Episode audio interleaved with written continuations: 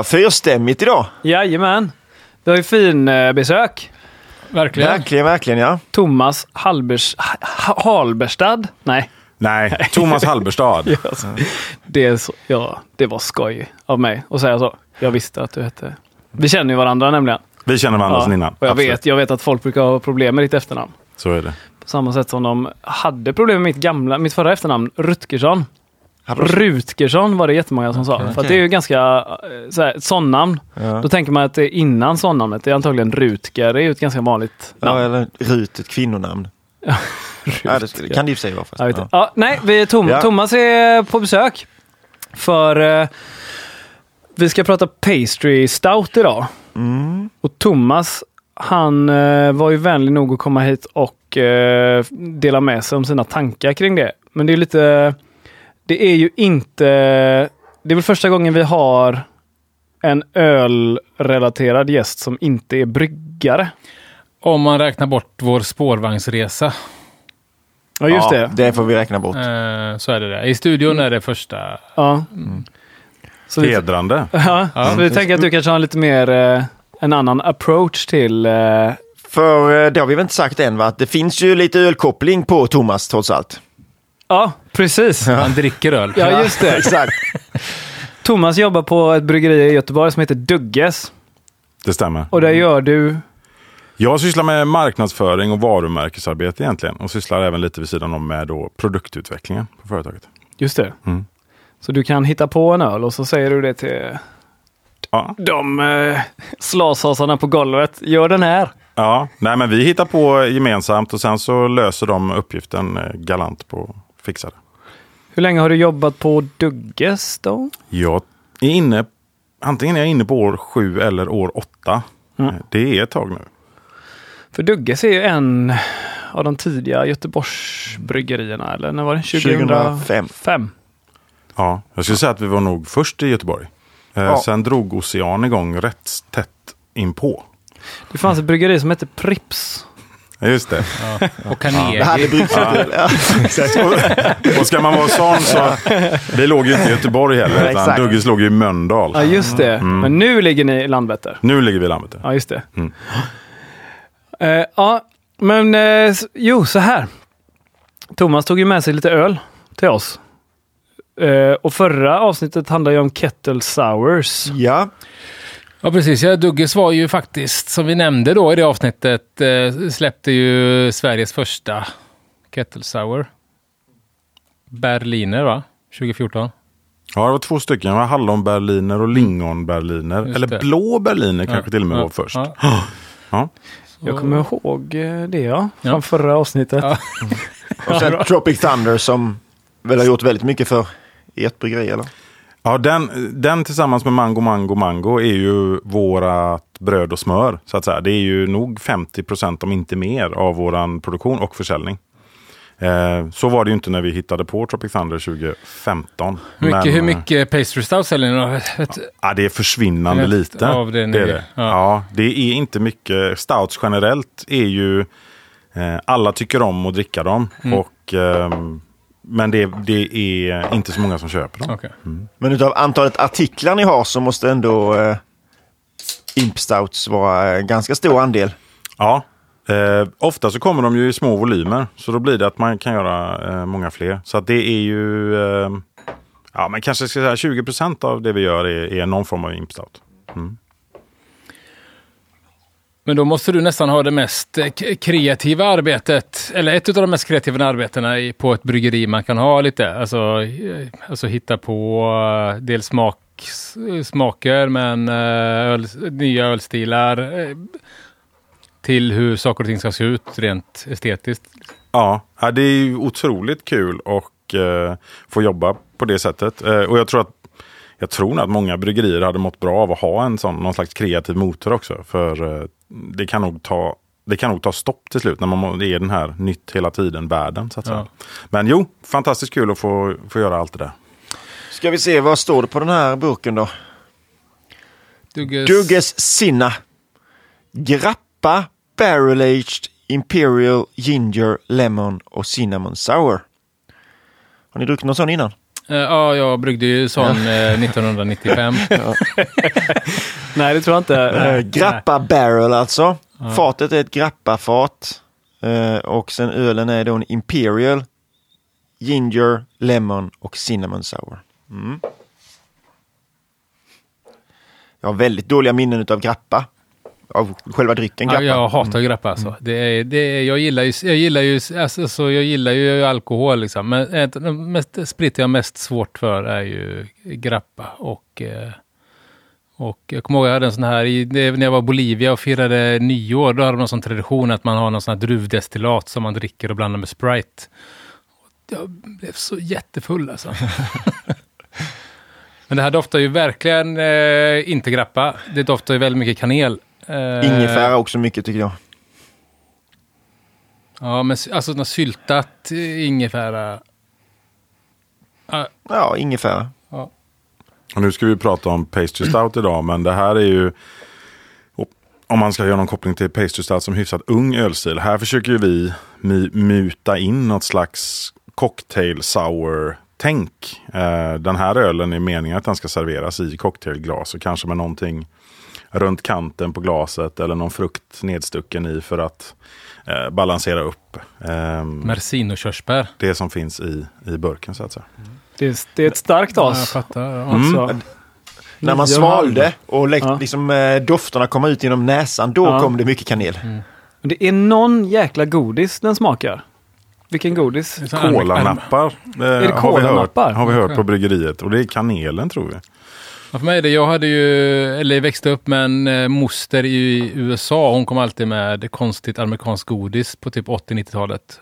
Och där var det mycket sådana här kanelgodisar ett tag. Liksom, som, eh, alltså amerikansk Men lite kanel. sådär kanel, körsbär. Eh, Ja, ja, precis. Ja, ja. kan smaka lite så. Ja, det här var ju ändå jävligt spännande. Ja, det var och det verkligen. Och, eh, och ändå förödiskt. Det, det här gick ju ändå, ja, det här Ja. skulle jag ju kunna dricka själv burken. Jag Alltså, fattar verkligen grejen där också. Det med, med den här liksom cocktailgrejen. Ja, mm, Och det är gjort med, det är liksom inga aromer eller sånt i den här utan här är det...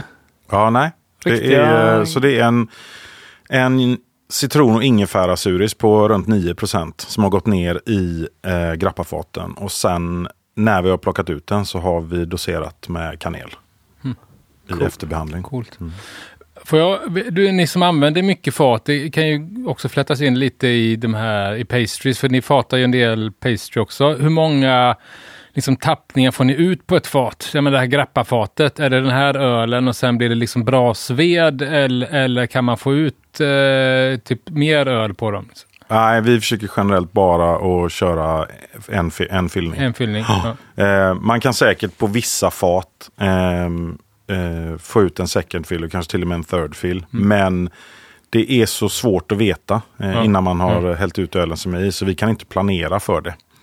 Ehm, så då, eh, vi har en bra, en bra kund som köper eh, använda fat och använder till en helt annan verksamhet. Torskrom. Ja, nej. Jag tror det är en, paint, en paintballbana faktiskt. som man ställer upp som skydd och sånt där. Jaha. Coolt. Fan vad sjukt. Ja. Annars är det ju hårdvaluta för de som vill ha en bra regntunna. Ja, men precis. Ja. Vad hette han, den filosofen som bodde i en tunna? Helt...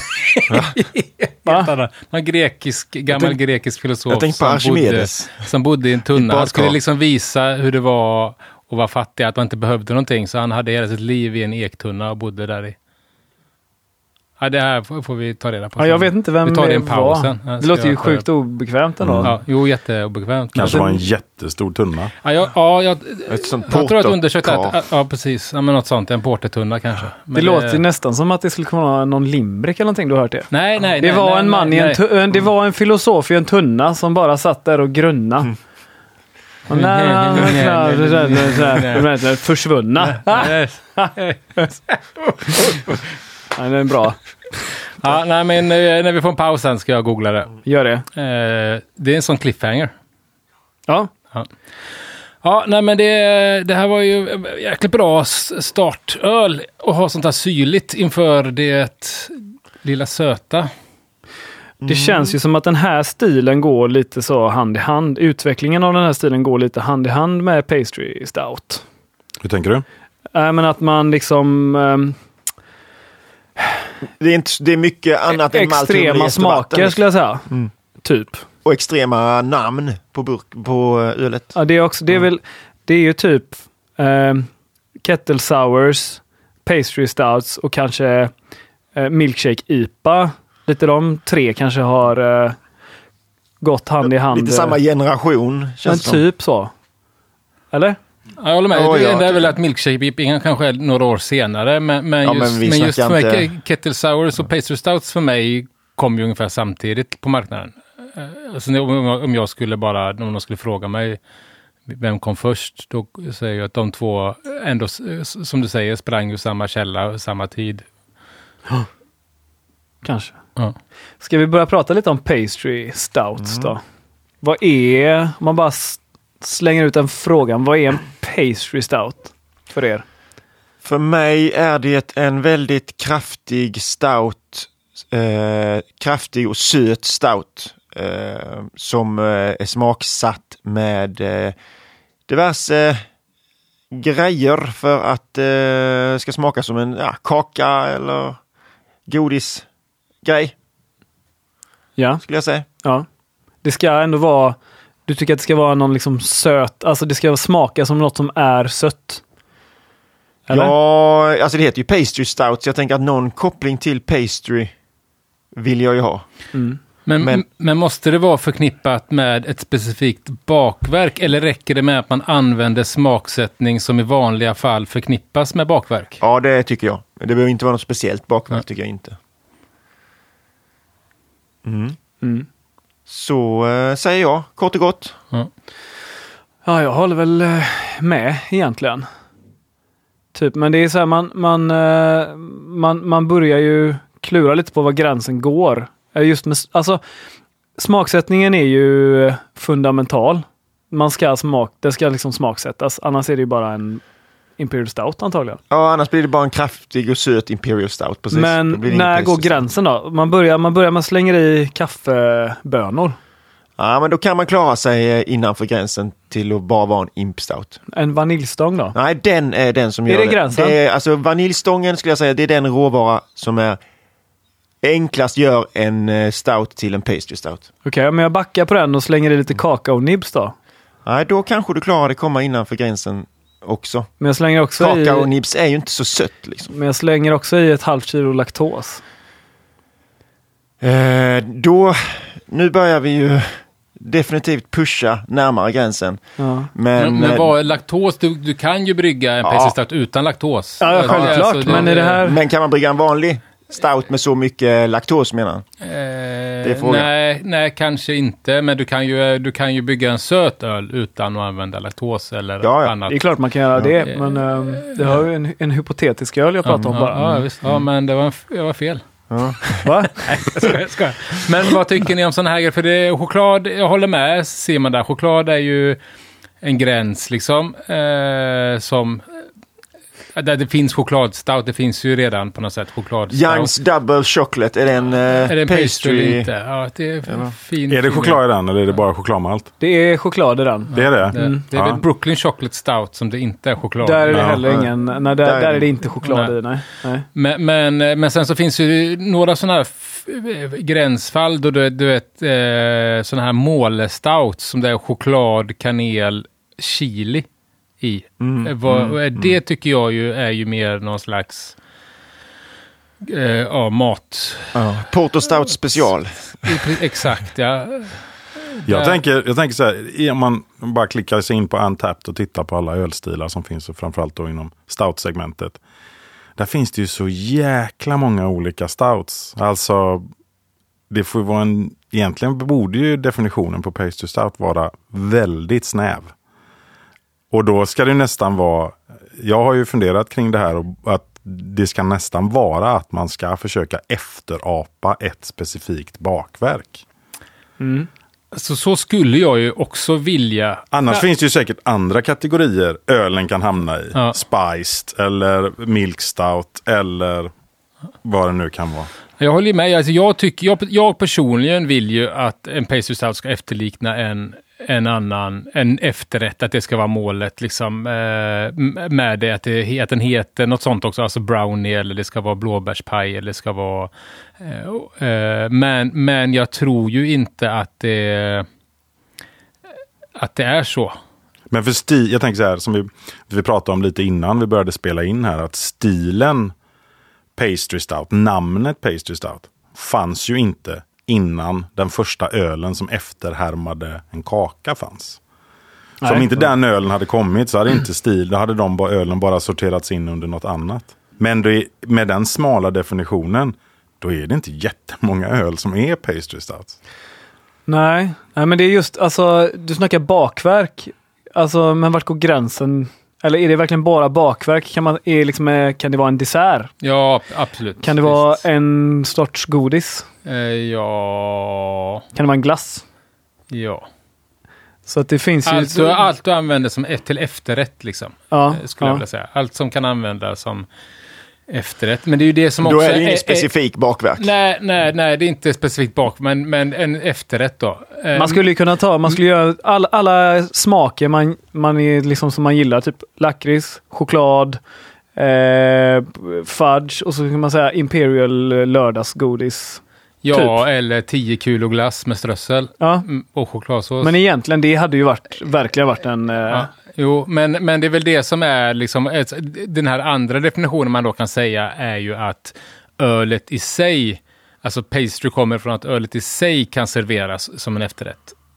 Mm, mm. Eh, eh, Ja. att, och då Ja. spelar det inte så stor roll att det efterliknar ett bakverk eller att det, eller vad det är smaksatt med, eller att det ens är smaksatt överhuvudtaget, bara det är jävligt, jävligt sött. Liksom. Att, det, att, det är, eh, att det är efterrätt på det sättet. Liksom. Ja, är- men det tycker inte jag är så dum definition. Nej, inte, alltså jag, det, är väl, det är väl kanske mer så som stilen eh, är idag, skulle jag vilja säga. Att Mm. det kanske mer är så att det är, eh, att det är väldigt söta öl och sen, så, och sen så slänger man i lite det man fick tag på eller det man har tillgång till eller det man tror kanske ska passa ihop. Liksom.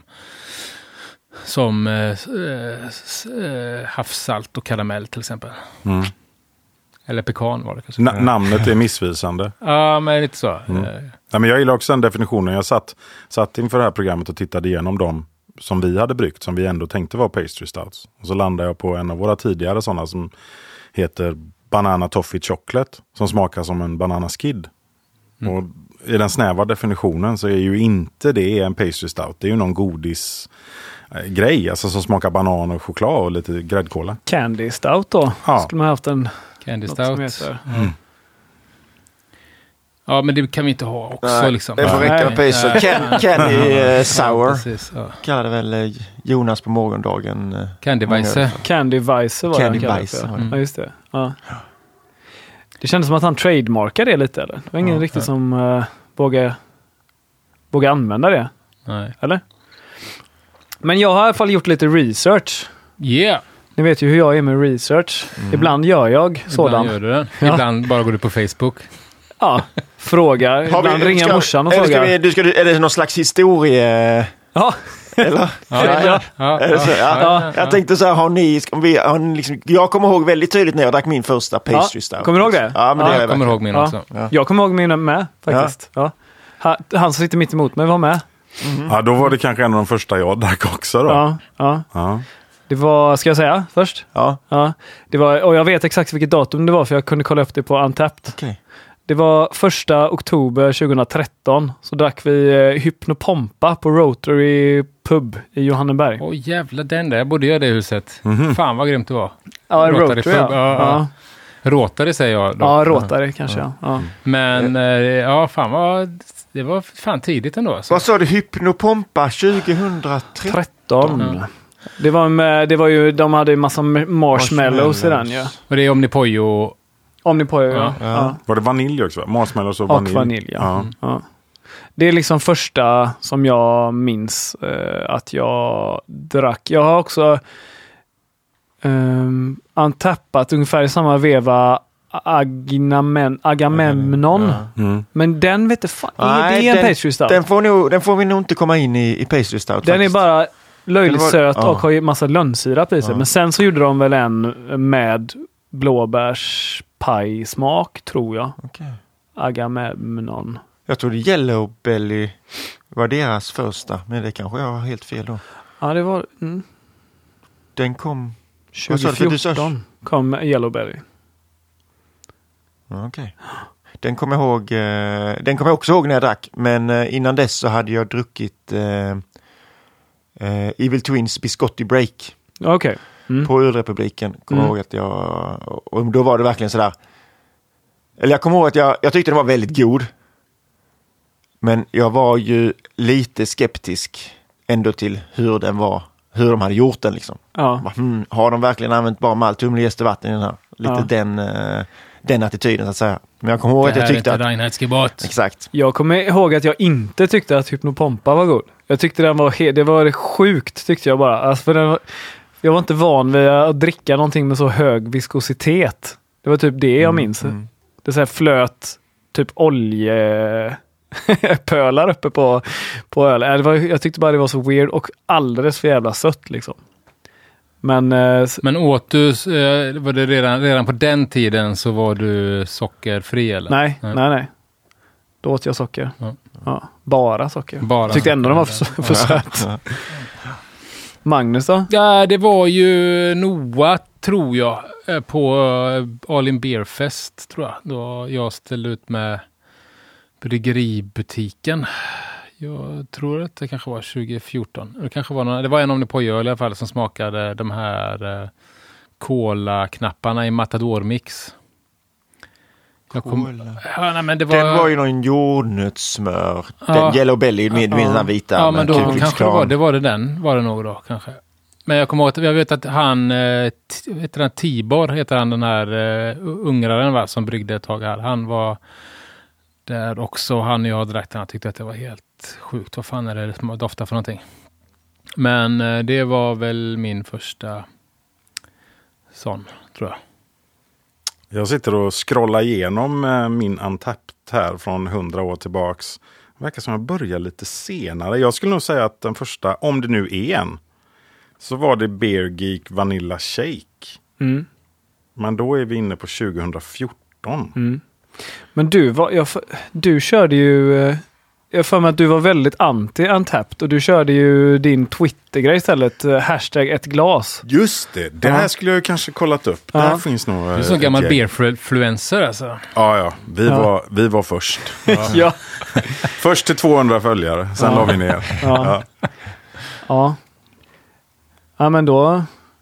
Då var det ungefär där i samma veva. väl- Men det 2013, var Omnipojo, 2014. Omnipojo i princip. Nej, Evil Twin. Ja, Biscotti Break var min, Ja, det var min allra första. Och Mikkele då, brorsan hos Thomas och sen så du och jag på Omnipojo. Ja. Jag har ju, alltså, alla de vi har nämnt här har jag skrivit ner typ i, eh, i min research Mm. på eh, hyfsat viktiga öl Ja, egentligen det. Ja. för detta. Men jag, jag tänker slänga ut liksom en...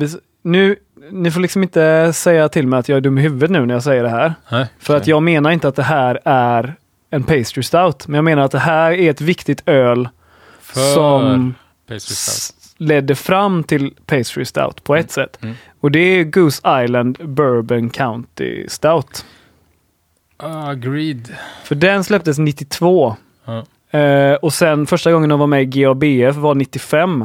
Men då fick den svinlåga betyg för att den passade inte in i någon typ def för den var jättestark och hade alldeles för hög restsötma och sådär. Men den fick ju liksom lite av ett kult, en kult following och var en tidig sån här hype bärs liksom. Ja, väl nästan fortfarande. Va? Det är väl ändå, det, alltså det känns som lite som att det inte är kanske den extrema hypen, men det är väl fortfarande ett eftersökt öl. Liksom. Ja, men nu är den väl, de, de blev uppköpta eller? Och det är Yes. Count, Bourbon County Brand Stout eller Okej. något sånt där, eller vad Ja, hette de? ja. Men det dröjde Den, till... ja, eh, den öl som jag tänker annars, mm, fast det var ju väldigt sen, var ju senare. mm. Det kommer du antagligen till här. Nej, men säg. Nästa mening. säg. Ja men eh, Dark, vad fan heter den? Dark Lord? Dark Lord, ja. Lord, ja. Ja, Eh, det var Den- 2002. ja, Ja. 2002. Ja. Och det var min, absolut, det var mitt nästa stycke här. Ja. Och där har, kommer du nämna de här då? Speedway. Speedway Stout har- kommer jag inte Nej, nämna nej, nej. faktiskt. Nej, Nej, det passar inte i detta avsnittet Magnus. nej. Nej, men ursäkta mig då. Ja. För det sägs ju vara eh, eh, grunderna till Be- Beer Geek-ölet är ju Speedway Stout. Ja, okej. För första Beer Geek-ölet var ju en Oat Stout, Yes. Tror jag. Ehm, ja, nej men i alla fall Dark Lord då, för de som inte Mm. vet. Det är ju Three Floyds, Ja. va? Ja. 2002 bryggde de den första gången och det blev ju liksom eh, en ännu mer hypad öl. Nu har de väl gjort, liksom slått mynt av det. De har sin sån här Dark Lord Day och det släpps, ja, man måste köa. Man måste betala en hemlös person 200 dollar för att sitta i en kö. Och sen döda en kanin också. Ja, Gullig kanin. lite I kön. Sådana grejer. Och den, Oj, ursäkta mig. Och ursäkta att jag har varit väldigt tyst. Jag sitter och scrollar genom mitt Twitterflöde här för att se hur tidig man kan ha varit. ja, ja. Jag kan inte säga något speciellt namn, men jag säger det. Ursäkta att jag avbryter din Nej, historia nej, nej, Men jag måste säga att Evil Twin var nog brutalt tidig när det gäller det vi försöker i alla fall typa som pastry stout. ja. Sitter här och kollar på öl från 2010, 2011. Mm. När han gör in och yang och de här. Ehm, Just det, yin och yang ja. Eh, och jag tror det är vaniljstout. Inte helt säker där. Jag försökte googla lite. Men Evil Twin är nog ett, ett, en gubbe att kolla efter. Ja, ja, det tror jag också. Ja, men i alla fall Dark Lord är ju då en också snorstark eh, eller väldigt hög restsötma eh, Imperial Stout som är smaksatt med kaffe och vanilj. Så vi är fortfarande inte inne riktigt på rätt smaksättning. Eh, Nej, men precis. Sötman är ju där och vaniljen är ju där och den biten. Ja. Och sen så har jag faktiskt skrivit ner eller Beer Geek Breakfast då, som Mm. var deras första Beer Geek Bash. Mm. Och det var ju ja, en, en Oat Stout, 25% havre typ, smaksatt Men med, med kaffe. kaffe. Ja. Men Och den är också i- väldigt hög restsötma. Mm. Fast inte så pace. Inte så ändå väl? Nej men den är eh, utvecklades sedan då Ja. till, eh, liksom en, det var en hel serie Mm, Beer Geek. bacon hade de någon gång. Ja, precis. Bajskaffe är någon va? Men det Ja. var där, lite den här trenden med att hitta konstiga råvaror började lite. Ja, och det gjorde de i 2010. Där Okej. slängde de i den här bacon och eh, bourbon edition och sådär. Ja. Men sen så kom, som Thomas var inne på, Beer Geek Shake-serien. Men det var ju 2014 först. Men då kom det lite mer så här vanilj och, och kaka och, och ja, den typen av smak. Men eh, några som var kanske egentligen vad jag har hittat i min research kanske först med att göra det som vi idag skulle typa då som en pastry stout. Southern Tier. Mm. Uttalar man det så eller? Southern Tier. 2007 gjorde de, drog de igång någonting som de kallar för Blackwater Series. Eh, och den första där som de gjorde var, den hette Chocolat. Mm. Och sen, Som filmen eller? Eh, ja, precis. Döpt efter filmen. En fransk. Eh, och 2009, då släppte de ett öl som heter Crème Brûlée. Och så vitt jag kan hitta så är det det första ölen i den här stilen som är döpt efter någon typ av dessert. Mm. Okej. Så att det skulle mycket väl kunna vara den första.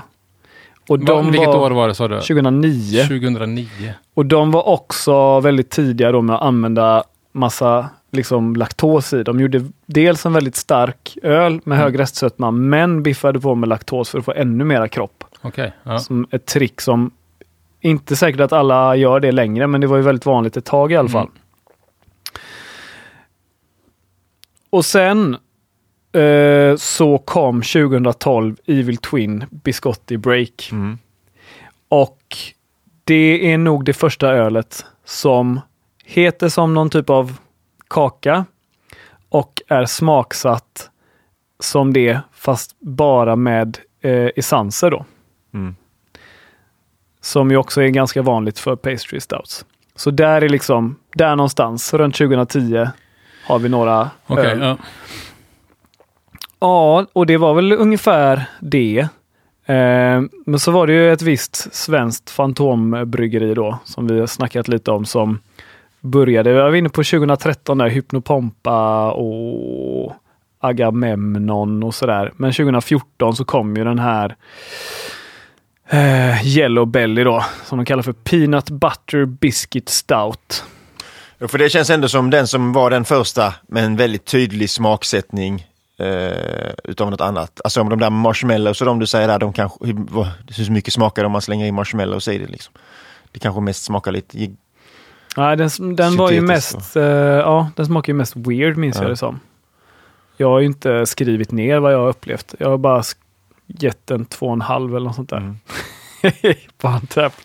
Ja. ja. för den, eh, Men Yellow Belly var, vad skulle ni säga att det är den första liksom kanske vitt spridda pastry stouten? Eller är det Noah?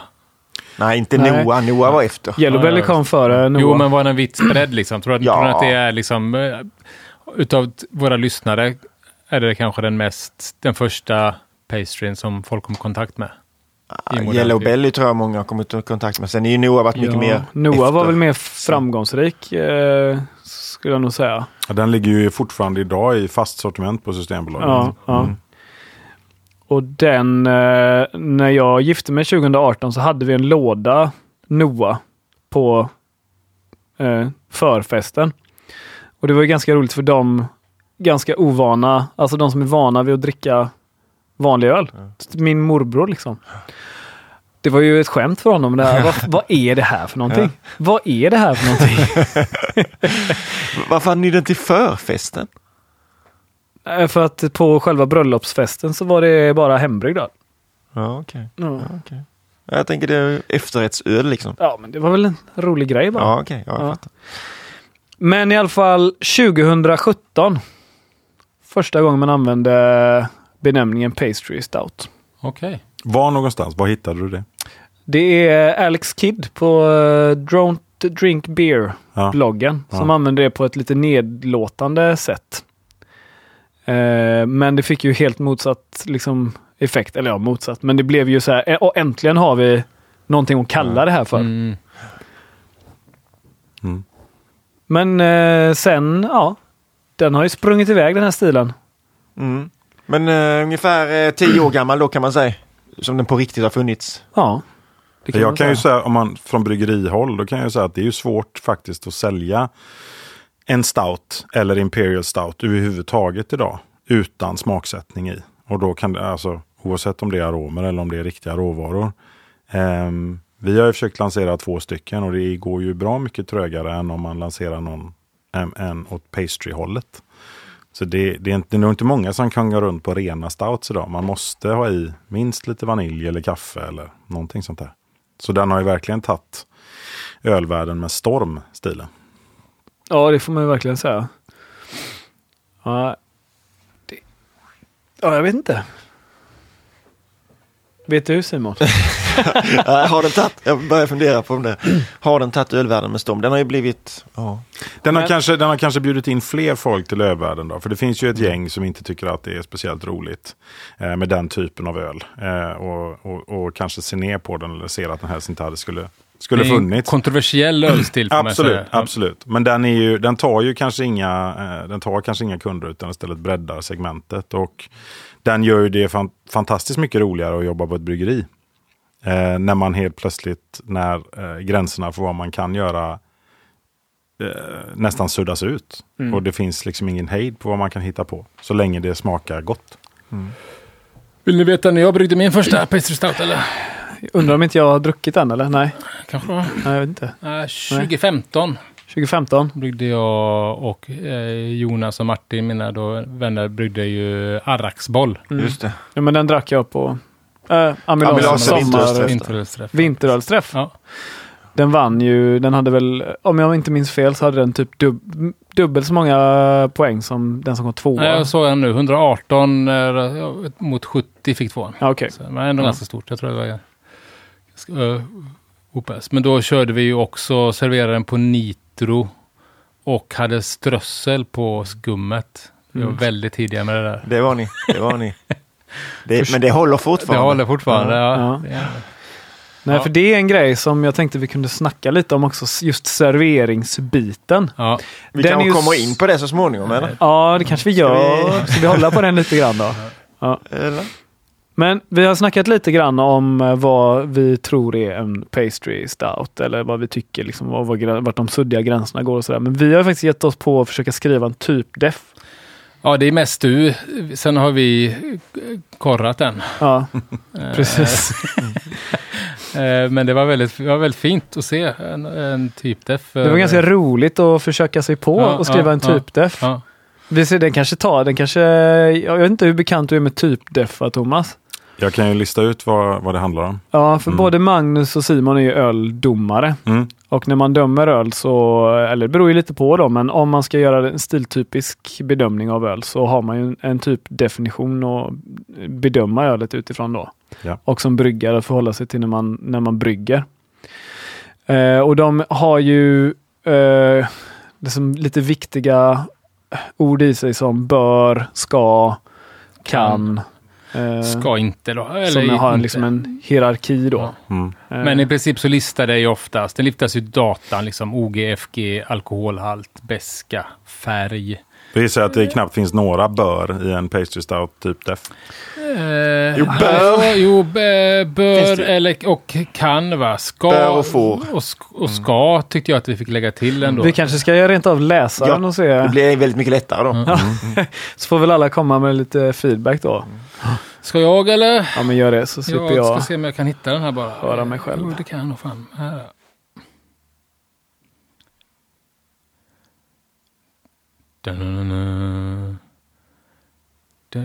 Verkligen kolanappar. Ja, alltså inte sura kolanappar utan de här bruna. För er som precis börjat lyssna så är vi nu tillbaks Nej, men på jag, surölen. jag tog en liten smak på den här igen. Eh, Okej då, då börjar vi med datan här då. Jag är lite besviken på att du inte skrivit någon sån här historia bakom. Eh, Mm, Det kan han göra nu. Du Det kan kan komplettera med det nu. En liten ingress menar du? Ja, precis. Ja, en men det, ingress, det, ja. det kan vi komplettera med sen ja. ja. Data då. OG 1078 uppåt. FG 1024 uppåt. ABV 8,5 procent uppåt. IBU 20 till 50. EBC 90 uppåt. Alltså det finns ingen övre gräns på hur mörk den kan vara helt enkelt. Utseende. Djupt mörkbrun till svart. Liten till stor skumkrona. Bouquet arom. Eh, doft av dessert, godis, bakverk eller dylikt på medel till mycket hög nivå ska finnas. Aromer som vaniljchoklad, kokos, kaffe, lakrits, fudge eller marshmallows bör förekomma. Rostade toner från malten på, lå, på en låg till medium nivå bör finnas. Ingen eller liten humledoft, ingen diacetyl eller DMS får förekomma. Smak. Kraftig smak inspirerad av dessert, godis, bakverk, ofta från tillsatta essenser. Tillsammans med rostade toner från malten ger detta ett komplext och mycket smakrikt öl. De rostade maltsorterna får inte dominera smakbilden och inte bidra med syrliga eller bittra toner. Bäskan är låg till måttlig, restsötman ska vara påfallande hög och ölet bör upplevas som mycket fylligt. I starkare varianter är värmande smak av alkohol okej. Ingen diacetyl eller DMS får förekomma. Munkänsla. Stor och mycket fyllig kropp, låg till medel kolsyrenivå.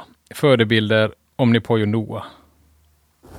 Tycker den ändå... Ja, det är Alltså, jag några blev sådana här... Jag Eh, blev lite stolt när jag hörde.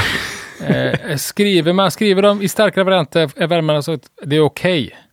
Man skriver oftast vad kan finnas. Man skriver inte... Alltså jag, det, jag har tittat på andra typdeffar när jag Ja, har ja. skrivit ihop det här. det? Ja, ja, och, och jag har ju liksom snott lite data och Ja, sånt ja, från ja, Imp ja, Stout jag fattar. och Imperial Porter och sådär. Men, Mm. ja, men det är väl ungefär... Ja, men, ja. Så tänker jag i alla fall. ja, Det, det kan, jättebra. de deffarna kan vara, de är skrivna på väldigt många olika sätt också Ja, faktiskt. Av olika, många olika människor Ja, också. Ska ja. man veta.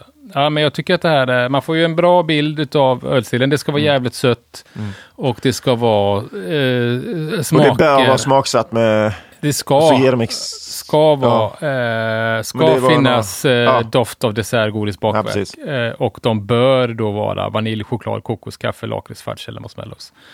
Eh, Om jag får tänka lite funderande här bara när jag hör den här typdefinitionen och när vi diskuterar pastry stout som ölstil och så här.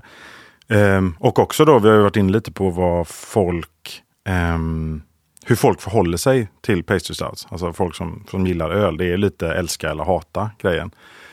Den verkar ju vara en stil som egentligen inte vill befinna sig i en typ definition. Alltså allt det där som du räknade upp skulle lika gärna kunna vara varför får den inte vara svagare om den smakar gott? Varför får den inte vara ljusare än, än 80 EBC eller vad det nu var, eh, 90. Um, ehm, så det kanske är, jag förstår ju att man vill liksom boxa in det och speciellt om man ska jobba som öldomare och fixa det sådär. Men pastry stouten kanske är en av de första stilarna som är sådär, vi försöker verkligen att göra Odefinierbar. Odefinierbar, göra någon annan typ. Och vi har ju verkligen haft problem också att liksom naila ner vad en pastry stout är här.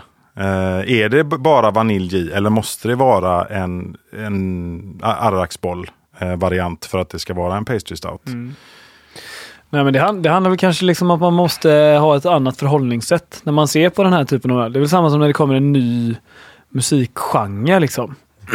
då tänk, då, de som utövar den vill ju inte, vi kan inte boxa in oss. Vi, det är ju inte så enkelt att man kan bara kalla oss för någonting och förstå vad det är. Men mm. sen liksom när man får lite tid så hittar man väl eh, sätt att boxa in det också så att det blir begripligt. Ja, kanske. Jag tänker mer att speciellt om man pratar då om, om Omnipojo och hur deras eh, publika berättelse kring, kring Noah, att det är att Henok drömde om att vara konditor och ta den drömmen och försöka applicera på det jobbet han har nu och försöka brygga öl. Mm. Att det är något annat man försöker få ner i det. Man försöker inte utveckla ölen till något annat, utan man försöker få ner grejer i en öl.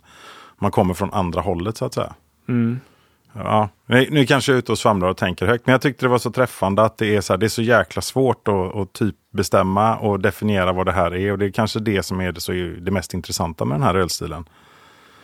Ja, jo, det blir inte någon, i och med att eh, smaksättningarna kan, kommer alltid kunna variera. Det blir ju inte, om det hade varit en speciell, i vissa öltyper har man ju en speciell öl som liksom det är den som är förebilden. Liksom. Mm. Så fall hade det blivit en speciell smaksättning mm. i detta fallet då, liksom, att den måste smaka brownie. Smakar inte brownie så är det ju inte en brownie stout. Alltså, så att det är ju en lite mer öppen stil på så mm. sätt, liksom, att smaksättningarna kan variera. Mm. Men, sam men, samtidigt så är det också, nu har ju, har ju ändå den här ölstilen, om man får säga det, funnits, det har ändå bryggts den här typen av öl i tio år. Det är ganska många sådana här öl som har bryggts. Jag tror ändå att ju längre man går att man du vet, kokar ner det till att de till slut blir ganska lika. Alltså att bryggarna brygger, det vill säga de brygger på ungefär samma sätt. Det är ju ingen som kommer brygga en pastry stout med 200 IBU. Eh, utan man har ändå kommit fram till, alla bryggare har på sina liksom, håll kommit fram till att ja, men det är jävligt gott med högre sött med de här ölen mm. och låg beska och, eh, och, och, eh, och så vidare. Att, att man ändå, för så tror jag, liksom, så har ju väl alla ölstilar kommit fram, att man har bryggt hemma i sina stugor, men man har ändå kommit fram till att ett recept är det som funkar bäst. Så är det ju med New England-IPer. Jag tror liksom om man åker runt och kollar på svenska bryggerier och deras New England-IPer, så är det slående lika recept eh, på alla öl. Skulle jag tro. Ja, mm. eh, och det har man kommit fram till att det blir bäst så. Eh, mm. både genom trial and error, men även med att prata med varandra. Liksom. Eh, jag tror det ja. också. Ja. Nej, så det, det kommer väl... Vad, vad, tror ni? Tror ni att det någonsin kommer komma in som officiell eh, öltyp i eh, SHBFs... Eh... Om många skickar in det så gör det ju det. Mm. och det, det, vet, det, alltså, det är väl det kan vi komma in till sen och brygga de här med som hembryggare. Alltså brygga riktigt bra sådana här är ju, lika, är ju oftast ganska beroende av råvaror som för oss hembryggare kan vara svåra att få tag på. Du var ju till exempel tvungen att fuska och gå till ett bryggeri och be om grejer. uh, nej men ni fattar. Nej men att, nej, men att det är ju att det är kanske vissa, uh, vissa saker som, som kanske är svårt för oss hembryggare få tag på när det kommer till essenser och aromer. Mm. Mm. Men vad vi däremot kan göra, så, som inte bryggerierna kan göra, är att vi är ju inte priskänsliga. Det vill säga att jag kan ju köpa 100 vaniljstänger och slänga i 10 liter. Alltså, det skulle inte ett bryggeri göra, du vet. Eh, det, jag vet ett. Du ja, men, ja, men ni fattar vad jag menar. Att, att vi, har, alltså, vi har ju samt, samtidigt lite större eh, du vet, frihet till att kunna eh, Go wild and crazy. Go wild and crazy på ett annat mm. sätt och inte behöva bry oss om att Systembolaget ska sälja den här eller att vi ska tjäna pengar på den. För det ska ju ändå bryggerier i slutändan göra också. De kan inte bara vara kreativa, de ska ju dra in pengar också på ett annat sätt. Så vet jag inte om det kanske är, är jag vet inte åtminstone en viss typ av bryggare har ju en, en viss stolthet och jag tror att man vill kanske använda riktiga råvaror hellre än aromer och essenser.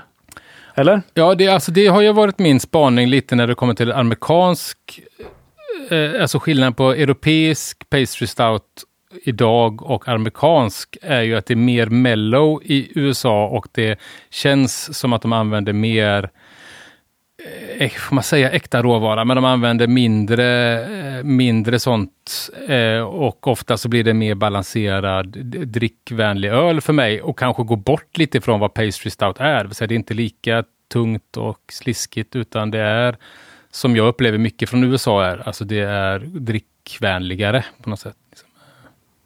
Det upplever jag att trenden i Europa är på väg mot också. Eh, Det även med, om man gäller, tittar på pastry stouts, att eh, mer rostat kommer tillbaks och mindre eh, extrakt eller aromer och, och mer de klassiska råvarorna så man får maxa dem då. Mm.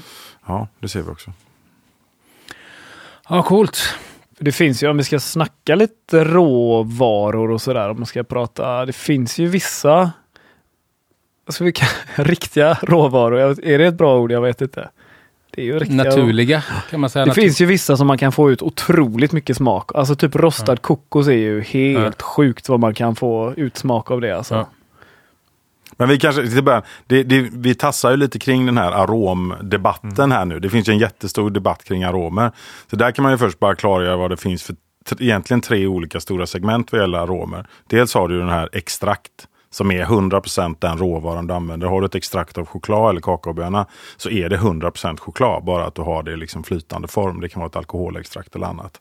Sen har du naturliga aromer som är gjorda av eh, livsmedel, alltså naturliga ämnen. ehm, där chokladaromen kanske inte är bara molekyler från choklad. Utan det kan vara, ja det finns en smakmolekyl i päron som smakar mer choklad än vad choklad gör. Så den har vi byggt ihop den med och sådär för att folk har en idé av vad choklad smakar. Men den är fortfarande 100% naturlig. Sen har vi det som bara heter aromer. Där du kan ha, eh, där du kan ha syntetiska eh, smakämnen då. Men där vissa syntetiska aromer är finare och dyrare och bättre än vad deras naturliga förlagor är då. Också. Så att om man har extrakt och naturliga aromer kan jag ändå tycka, framförallt om man kör extrakt då, och till och med man kan göra extrakten själv. Då tycker jag ändå man är hemma i den här debatten kring vad som är äkta eller inte. Men då är det ju lite svårt att göra en öl som smakar bananaskids. Om man bara tillåter sig själv använda extrakt eller, eller naturliga råvaror. Yes. Ja, eller godis, eh, eller om man vill efter lite någon godisbit liksom. Vill Ja. ni eh, göra ett litet aromquiz? Ja, Jag har en liten Ja. påse med eh, lite små burkar med aromer här nämligen. Ja, okej. Ja, Så tänker fan jag ni får dofta på dem Ja. och eh, säga vad det är. absolut. Kul! Kör Aromquiz. aromquiz. Arom, Arom. arom, arom, Arom. Arom. Arom. Arom. Arom. Arom. arom, Arom. Arom. Arom. aromquiz. Quiz. Quiz. Quiz. Quiz.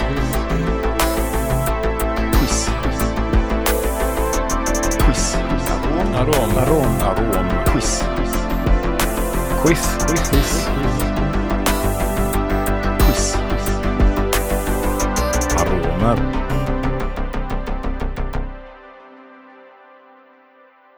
Använder du mycket aromer när du gör soda eller? Eh, nej, det gör jag inte direkt. Nej. Eh, till, jag har några olika segment där, så att jag har ju ett läsksegment där jag använder lite aromer Mm. mer. Mm. Eh, och sen så kan det hända att jag stöttar upp i någon annan eh, dryck med någon arom. Men i sodan, om man säger så, så då har jag ju, eh, då är det mest juicer och, och den biten. Okej. Eh, Medan i läsk, eh, mitt läsksegment, där har jag eh, aromer. Okej. Eh, då ska vi se. Men sen så har jag ju fått då, så jag jobbar ju med lite sådana, med företag som, som håller på med sådana aromer då. Och då har jag ju fått eh, lite olika prover och jag har ju varit lite sugen på att göra någon liten crazy grej någon gång sådär. Så jag har fått en massa konstiga prover i alla fall. Jag känner igen de här burkarna Thomas. Ja. Ja, vi har några sådana på bryggeriet. Ja, jag har några sådana i skafferiet hemma. Okej, då börjar vi här då. Skrik inte ut vad, du, vad det är nu då. Jag luktar igen. Thomas, är du eh, domare? Eller? Ja, jag kan. Ska vi säga, ska vi gissa på tre eller? Ja. Eller efter tre? Nej, ni bara bestämmer er och säger vad ni trodde. Kokos. Kokos. Jag tror det där är en mörk chokladarom. Detta är en arom, arom av chokladboll. Ja. Chokladboll var Ja, det var det. Tillsammans Deli- hade vi rätt. Delicatoboll tänkte jag. Ja. Men det är ändå så pass här, för jag tyckte det doftade sjukt mycket Mm. chokladboll. Men jag tänkte att det, det måste, kan ju- måste vara kokos. Ja, men jag tänkte choklad först, men sen så kom jag på, nej fan det, är doftar, kokos. doftar ju delicatoboll. Ramlösa- min, eh, min sexårige pojk, han tog den direkt. Jaha. Ramlösa släppte ju en uh, Delicatoboll. Det var ju Ja. det är ju den. Jaha. Gjorde de det? Ja, okej. Jajamän. Ja. blev en succé. Ma- Magnus, Magnus, du som eh, du vågar inte rätta Thomas här. Eller, jag får ju alltid skit för mina Äh, Just det, uttal. Ramlösa heter det, Du inte som Ramlösa. är gammal skåning. Ja, ja, ja. ja. Ursäkta. Den här vill inte få är, en Nej, lyssnarstorm. den här är svårare. Vad fan, Ja, okej. Ja, jag har, en bra gissning tror jag. Mm. Eller så är det en dålig gissning, men jag har en gissning i alla fall. Eh, Det är ju sjukt bekant doft Mm. ändå. Får jag gissa? Ja. Popcorn. Jajamän, Var det? snyggt. Fan vad snyggt. Jag skulle ju tro det mer att det var någon sån biscotti eller något sånt där. Ja, men det tyckte jag var bra. Är det någonting jag undrar mig så är det popcorn. Fan, Okej, du kan. Eh, Men kör Varje. du mikropop eller hemmapop? Hemmapop, Hemmapop, såklart. ja. I jordnötsolja. Oh, jordnötsolja alltså. Om vi har det hemma. men det är... Ja. Detta är ett bakverk. Ett specifikt bakverk med ett specifikt namn.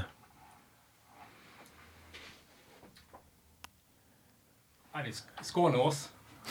Skåneås. Bakverk Får jag lukta med- igen?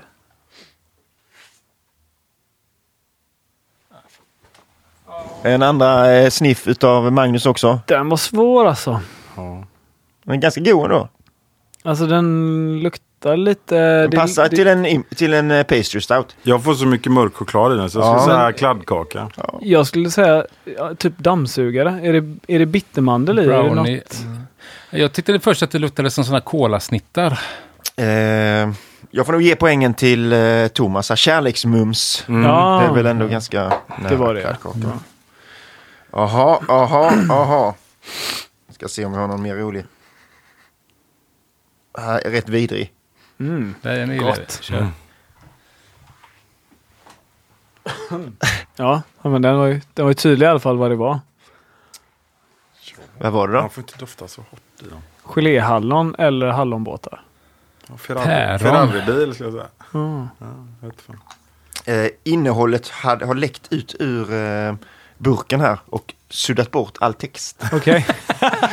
Men eh, jag tror det var någon mer så här Hubba Bubba. Det hette Ah, något sånt. Tyckte Ja, det men luktade så mycket geléhallon. Men okej. Men nu sitter-. Nu ska ju lyssnarna veta att vi sitter och doftar nästan rätt i burken här. Mm. Och eh, jag tror för bästa effekt, eh, så som vi brukar göra när vi provar på, på bryggeriet, då droppar man ner eh, rekommenderad mängd i rekommenderad mängd vatten och sen doftar på den lösningen. Okej. För då får du, koncentraten kan lukta lite knepigt ibland.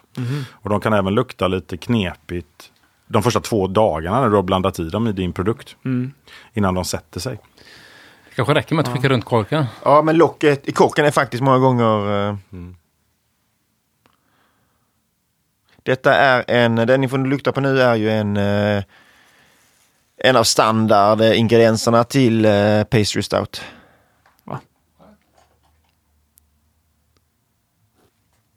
Pale ale malt. Det doftade en sur godis ja. Jag tyckte också att det doftade någon liksom sur fruktig godis. Det här, är det inte det här... Eh, inte det här orange? Det här är tutti frutti. Orange eh, vingummi. Det luktar lite vingummi faktiskt. Men detta är en marshmallows arom. Va? Men då är Det det, var det sjukaste jag hört. vanilj. Ja. Ja, Det här med tonkabönor då Thomas. Vad fan hände med det? Var kommer det ifrån liksom? Älskar det. Eh, nej men den är ju så... Vi använder väldigt mycket tonkaböna. Eh, Vad är en tonkaböna? Det är ju en krydda, någon slags blandning mellan kardemumma och vanilj kan man säga. Okej. Samma familj. Ja. Ehm, och otroligt aromatisk. Alltså Jag tror den används i mycket mer grejer än livsmedel för att luktsätta saker. Ehm, och bara en, en liten böna gör ju att hela bryggeriet luktar av det där. Men den ger en väldigt, den är både, mm, både söt och ehm, liksom lite moget kryddig och parfymig samtidigt. Okej. Ja. Eh, och sen var det väl helt plötsligt att det började bli lite lättare att få tag i dem där. Jag tror första tonkaböna-ölen jag provade, det var, och den har vi inte nämnt, men den måste ändå ha varit en hyfsat tidig, kanske pastry stout. Och det är ju Lervigs Three Bean Stout. Just med det. kaffeböna, chokladböna och tonkaböna i sig. Ehm, Att de inte kallar det för Mr Bean är ju ja. Mr Beans. Mr Beans. Jävla dåligt. Mr Three Beans. Ja. Ja. beans. Ja. Men vad eh, används den liksom traditionellt i någonting? Jag menar, Ja, används det, som vi, det här, nej, det som vi det har här hittat är, är eh, mexikansk matlagning. Okej. Och det kanske är lite nidbild. Men att, eh, och i vissa länder så, det- jag vet inte om det finns någon, någon myt om att den, är, den var förbjuden i USA och det är massa kumarin i som Just är det. farligt och Ja, sådär. Men det stämmer inte riktigt. Det är inte mer än i någon i kanel och det var inte, stämde inte alls riktigt med förbjuden. som- Ja, det, men men i, i mycket matlagning bara som en sån här eh, smakförhöjare. Okej. Eh, och jag vet inte om det är ännu mer i Centra- Centralamerika och kanske nere i Sydamerika, men definitivt den mexikanska eh, kosten. Ja, coolt. Mm. Väldigt god. Vi, vi ska göra, vi har två öl till på gång med tonkaböna i. Det är alltid gött och fint. Den ger ju också en sån vanilj, tonkaböna och möjligtvis lite kanel och allting smakar äppelpaj. Eh, Så då kan du göra pastry sours, pastry stouts, pastry IPA eller vad du nu vill hålla på med. Pastry, tysk pils. Ja. Mm. Ja, det låter gött. Pastry pills. Men hur tänker ni, hur resonerar ni då när ni ska konceptualisera ett öl? Eller jag vet inte riktigt. Det börjar väl som ett koncept egentligen då. Ja, man får ju input från väldigt många olika håll. Ehm, och ofta är det ju något kul man har ätit eller någon kombination man bara skulle vilja testa. Eh, det kan till och med vara ett inspel från när man har fått lukta på någon sån här arom eller något extrakt. Ehm, och Vi brukar också se till att ha i det i det som extraktet ska dofta eller det som aromen ska dofta försöker vi också ha i som råvara i ölet. Eh, för att det känns lite bättre. Även om inte det kanske ger 100% smak så, så är det alltid gött att om, det, om, om man har en apfelstrudel-arom. Att ha i lite kanel och lite mm, saker som ingår i apfelstrudel. Ha lite apelstrudel i. Ja. Ehm, så det kan komma från massa olika håll. Och så som vi har resonerat innan, då är det väl som sagt när jag tittade tillbaks på vad vi har gjort för pastry stouts. Så har vi inte gjort jättemånga, speciellt inte om man har den här snäva defi- definitionen då. Men när vi väl gör det, då är det ju att det ska vara specifikt. Vi har någon som heter ehm, någon som heter fudge och då ska den verkligen smaka som en sån här vaniljfudge. Och, eh, vi har någon som heter ehm, ja, men banana toffee chocolate som är liksom, den ska smaka banana skid och sådär. Mm. Ehm, och nu för tiden, som vi var inne på, då verkar det gå lite mer åt, gå tillbaka till det traditionella, lite mer rostade hållet. Så nu när vi brygger så är det ju mycket kokos, tonkaböna, kanel, eh, vanilj, eh, kaffe och sådär igen då. Um, men i grund och botten så, så, och det vet jag inte riktigt varför, att det har blivit så. Men som ni har varit inne på, en väldigt viskös stark öl. Man vill åt viskositeten, man vill åt restsötman och sen så vill man bara smaksätta den där goa. Och det är väl som när man gör en kaka. Det är ju 92% socker och sen är det lite kakao och fett och så är du hemma. Det var jag faktiskt lite inne på om vi borde haft nämnt den här typ defen, viskositeten. Det är väl lite munkänsla va? Eller, eh, Är det implicit? Ja, jag vet inte om man kan skriva så mycket mer där. Nej. Man kanske skulle lägga till en ny kategori. Of, man kan väl skriva lägga till ofta, ofta hög viskositet. Ja, jag tycker- Ska det ligga under utseende eller under munkänsla? Eh, Jag vet inte. Alltså, Jag hade lagt under mun, mun, Ja, eh, jag tror det. Heter det munkänsla? Heter det? Ja, men jag hade lagt under Mm. munkänsla i alla fall. Men samtidigt så är det inget ska-krav tycker jag. Att den ska vara det eller att det ska vara... eh, Kan. Att den ska vara tjock och... Alltså, eh, kanske. Kan ha. Kan ha. Ja, Högre. eller bör. Kan eller bör. Ja. Där känns det ju som om pastry stouten har eh, smittat av sig på övriga stouts. För om jag sa innan att det är väldigt svårt att kränga liksom stouts som inte är smaksatta på något sätt. Tunna stouts som inte är smaksatt på något sätt. Det går inte och det är ingen som vill ens titta åt. Så du Förutom måste... Guinness. Förutom Ja, Guinness. Och det kommer mer. Kanske. Det kommer mer dry stout nu. Ja, ja. Det kommer dry stout. Vi är dry, mycket 2023. Ja, dry då kommer stoutens dry år. stout. ja. Allting går lite långsammare man, än man önskar ofta. Men eh, dry stouten är på gång. Alltså. Ja, vi får se. Jag såg Brewdog släppte en också och ska in och konkurrera med Guinness. Men det finns liksom inga...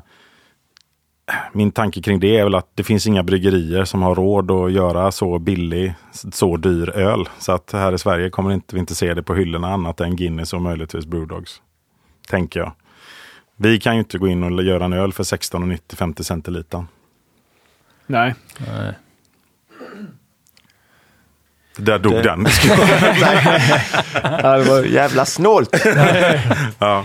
Hur tänker ni mer då? Har ni liksom en grundbas eh, som är liksom det här är, så här gör vi maltbasen, ja. typ? Vi har jobbat oss fram till, eh, och det är den, vi har en produkt ute som heter Mega. Och det är våran grundstout vi gör när vi gör eh, pastry stouts. Eller smaksatta stouts också. Det är en Ja. 15-procentig, eh, lågt rostad, väldigt mörk, eh, hög viskositet stout. 15 procent alltså. Ja, och vi, den använder vi också när vi då som grund till, all, till många av våra fatlagringsöl. Då brygger vi den som basöl och sen så testar vi att fatlagra och kanske efterbehandla sen då. Skulle man kunna få den maltbasen Ja, absolut.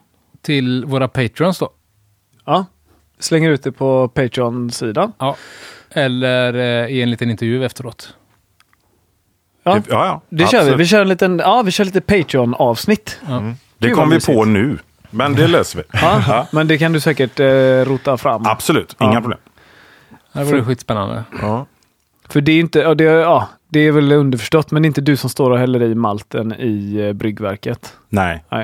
eh, det är inte jag som gör det. Nej. Jag är väldigt sällan nere vid bryggverket. De är så duktiga, våra bryggare. Ja. Eh, de löser det. Så eh, ja, nej men det var lite det då. Humle är väl liksom ingenting att klura på egentligen. Det är, Nej. Nej, den ska inte... Den ska och ska, men den, den ska väl inte smaka humle skulle jag säga. Ingenting. man behöver nog li, kanske lite beska. Ja, ja, för att den ska bli för kladdigt bara. Ja, Liksom. fast den ska ju bli Den ska ju vara kladdig. Jag vet inte. Har ni humle i överhuvudtaget? Ja, det är Ja. lite humle i, i koket. Ja. Ehm, det har vi. Ehm, men eh, Men väl också en säkerhet Ja. ändå, alltså för... eh, 15 procent i stout tål rätt mycket. Jo, jag vet. Mm. Men, men ändå, jag hade ju väl sovit... Som bryggare hade jag sovit godare på natten, men jag visste ändå att det var en Mm. 25-30 IBU mm. också. Men för vi har ju då, vi bryggde ju här för några veckor sedan till den stora eh, Pastry Stout Battlen. Ja, Jag ska vi avslöja? Årets showdown var Kan det. vi, kan, ni, kan vi inte prata lite om hur vi resonerar kring eh, när vi gjorde maltbaser till exempel? Mm. Eller vad som var, var innan vi hade den här eh, utomordentliga typdefen att förhålla oss till. Hur resonerade eh, vi när vi eh, formulerade våra recept?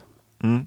Magnus, börjar du. Ja, jag eh, eh, resonerade så här. Det ska vara en god bärs liksom. Som man, man kan dricka. Jag tycker god. Ja, Eh, så jag tänkte ju, nej men jag tänkte framförallt maxa eh, restsötman var ju mitt mål. Att brygga en så söt öl som möjligt. Och det var också lite roligt för jag brukar alltid sträva efter det motsatta i många fall. Jag brukar ju försöka brygga så torr öl som möjligt. Eh, och mitt sätt att jag gjorde det på var ju eh, eh, ska man säga, fyra olika sätt då. Jag hade ganska hög andel karamellmalter eh, eh, så, eh, som jag har dextriner, typ 15 procent, 15 till 20 procent dextrinmalter. Jag hade stötta upp med eh, massor av laktos och, och maltodextrin, alltså båda två. Jag mäskade relativt högt, eh, 68 grader. Jag hade tänkt att mäska högre, men jag vågade inte för att det sista steget då var ju att jag valde en gäst som inte kan jäsa maltotrios, alltså som lämnar högt FG. Och då valde jag en brittisk ölgäst som heter eh, Windstar från Lallemans. Och det gjorde att min öl stannade då på, eh, eh, fick ett FG på 1065. Och jäv...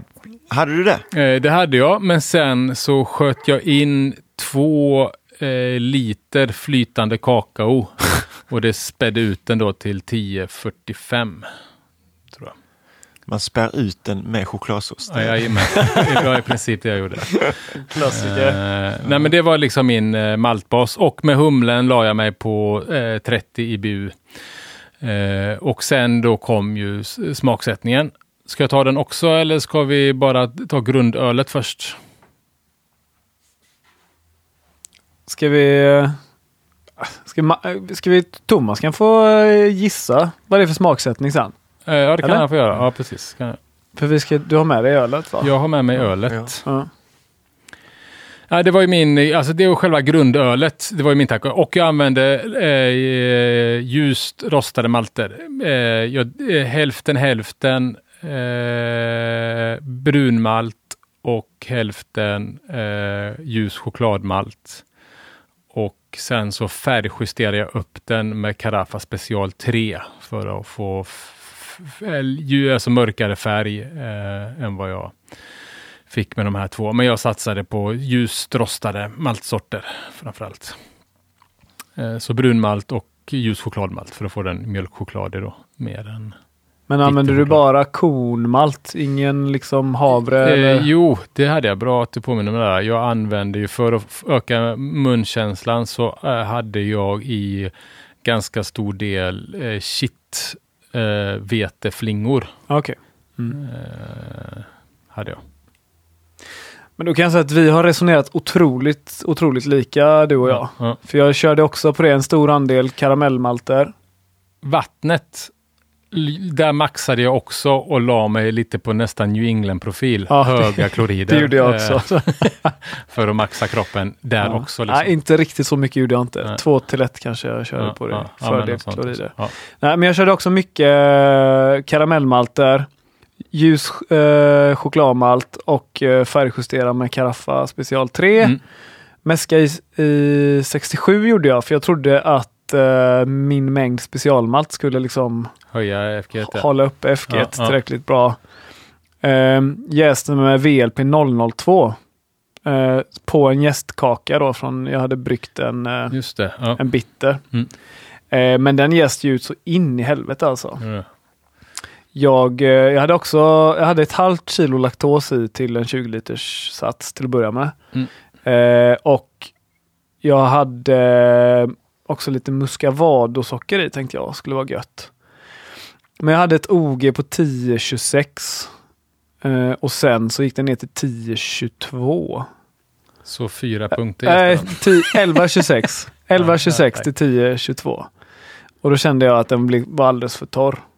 Så då, när jag fatade så drog jag i ett halvt kilo laktos till och ett halvt kilo maltodextrin. Eh, men annars, ja, jag, jag hade också, jag hade inte kittveteflingor, jag hade ganska stor del eh, havremalt i ja. istället. Ja, shitvetefingrar kan jag ju tillägga att det hade jag hemma. Det var inte, det är ingen tanke bakom dem, utan det var, jag ville ha något otmältat. Eh, Jag hade kunnat ta ha- havre lika gärna, omältat havre eller något sånt. Eh, Ja. Det var ingen, eh, det, det, det, det är att jag brygger mycket säsong. Sen tror jag att jag hade också typ 30 IBU. Jag slängde i den sista skvätten Sabro jag hade kvar i Okej. frysen. Smart. Kunde jag bli av med den också. ja. Simon då? Ja, jag tänkte ganska eh, annorlunda mot er, skulle jag säga. Eh, jag hade som eh, liksom utgångspunkt redan från början så visste jag ju att ja, men nu är det ju en pastry stout tävling här, liksom, så den här ska jag smaksätta med aromer. Eh, det var jag helt medveten om. Och jag tänkte också att jag kommer ha van i vanilj också, för det är en sån grej som jag verkligen tycker att göra pastryar till ölet liksom. Uh, och med, med det då i, i, i, uh, i bakhuvudet så uh, valde jag att göra en imp stout som inte skulle vara sådär för många olika smaker på, eller vad man ska säga. Jag ville göra den ganska så jag gjorde egentligen min vanliga Imperial Stout-recept, liksom. ganska, som är ett ganska clean recept. så. Ehm, jag tog några procent eh, karamellmalt denna gången. Det brukar jag aldrig ha när jag gör Imperial Stout i vanliga fall. Ehm, men jag tog några för jag ville ju lägga den på den lite söta, åt det lite sötare hållet då. Så att jag eh, drog ner beskan och eh, drog, tog, alltså det var nog bara 5 karamellmalt eller något jag hade. För det klingar i mitt bakhuvud från när du hade Imperial Stout avsnittet för ett tag sedan. Att man ska aldrig ha karamellmalt i sin Imperial Stout. Jag tycker inte det. Nej. För då blir det en pastry stout. Nej, jag tycker inte att det behövs. Nej. Eh, Nej. Så att jag körde mitt vanliga recept med liksom, ja, men ganska mycket brunmalt. En Men du hel- håller med om att man behöver ha det i Pastry Nej. Stout eh, vet- Jag recept? vet inte om det, om det behövs att ha, men jag valde att ta några procent denna gången i alla fall för att eh, den Men- gärna får vara åt det lite kladdigare hållet. Liksom. Och gästen då? Tog du vad du hade hemma eller hade du någon tanke bak, eh, bakom gästen, gästvalet? Eh, nej, där eh, tog jag också bara vad jag hade hemma. Jag hade nog någon slurry på eh, Dry English Ale tror jag att jag hade faktiskt, så att det var väl ett ganska bra... eh, Eller ja. Nej, vad- ja, jag vågar faktiskt inte svara på... Vänta, vänta jag måste tänka. Men det var, bara, Nej, inget det var bara jag som valde en som med- medvetet jag visste inte kunde jäsa komplexa sockerarter helt enkelt. Ja. Nej, för min var en... eh, Alltså när jag var färdig, hade jäst färdigt min, då tyckte jag den var en, en väldigt god Imperial Stout. Liksom. Okej, ja. Eh, Och nu... inga, det var liksom inget speciellt så att det var något jättepastryt, utan Ja, det, ja. jag pastryade till den eh, sen. Liksom. Ja. ja, men det gjorde jag ju också. Det var... Det gjorde jag ju med. Min standard, min, jag startade på 1090 och slutade på 1025. Ja. Så att eh, jag hade egentligen det, tänkt... Jag, det, jag, det, jag, där är sån riktig bantarbärs ni har bryggt. Ja. ja, Vad fan? jag hade tänkt göra den eh, lite starkare faktiskt. 1065. Mm. Nej, men jag hade tänkt göra den lite starkare, men eh, den, den blev bara 1090 idag. Ja. Ja. Skitsamma tänkte jag. Ja, mitt blev ju, alltså min öl blev ju nästan session med det höga FG. Liksom. Ja, men eh, precis. Det var väl bara på 8 procent? Ja, något sånt. Jag tror jag, jag, kommer faktiskt inte ihåg. Men alltså Mm. 10, 20, eh, 11, 20 till 10. När det stod det på ditt eh, Ja, sätt. ja, men vad fan, man ska inte lita på allt man läser. det är inte Systembolaget vi säljer bärs till. Nej. Ja, ja.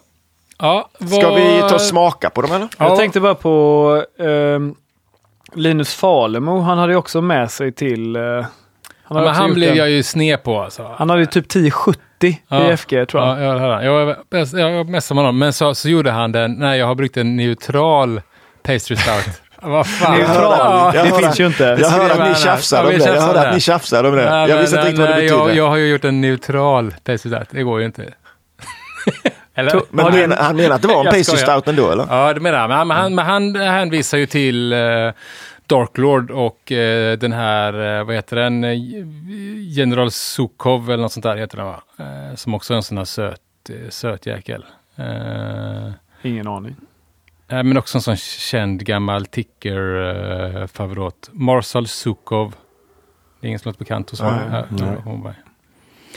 Nej, men han eh, sa ju 1068 slutade han på. OG 1148. Mm. Men eh, det är ju det här med neutral. Det är ju, Ja, men då är det ingen pastry, det är ett oxymoron. Då är det ingen Ja. pastry stout. nej, det är en söt stout. Ja. Fet, den kan vara svin, den var ju jättebra ändå, men, men eh, det, var Jag då, det var en jag- dålig pastry. Jag smakar bara på, för de, han och hans bordsgranne Jonathan, de hade väl bryggt tillsammans och splittat batchen. Samma öl, ja. ja. Jag smakar bara på Jonathans, han hade ju typ två kilo kokos i 10 liter öl eller något Ja. sånt där. Och jag var snorbakfull, om du Ja. kommer ihåg det. Ja. Det, på den träffen. Ja. Och fick det serverat till mig. Det gick inte, Då blir du nykter. det gick inte att dricka kan jag säga. Ja, Det var alldeles för eh, sliskigt för mig. ja. Har du någon koll på vad ni brukar ha för slut eh, gravity? Ni jo- jobbar med Plato kanske? Är inte det Patreon? eh, Ja, Patreon precis. Jag satt, jag satt Ja. precis och kollade upp det här Ja. i, i receptet, men det kan vi hålla. Vi sparar på det. Ja. Ska vi gå till kylen Ja, eller? det tycker Gör jag. vi, gör vi.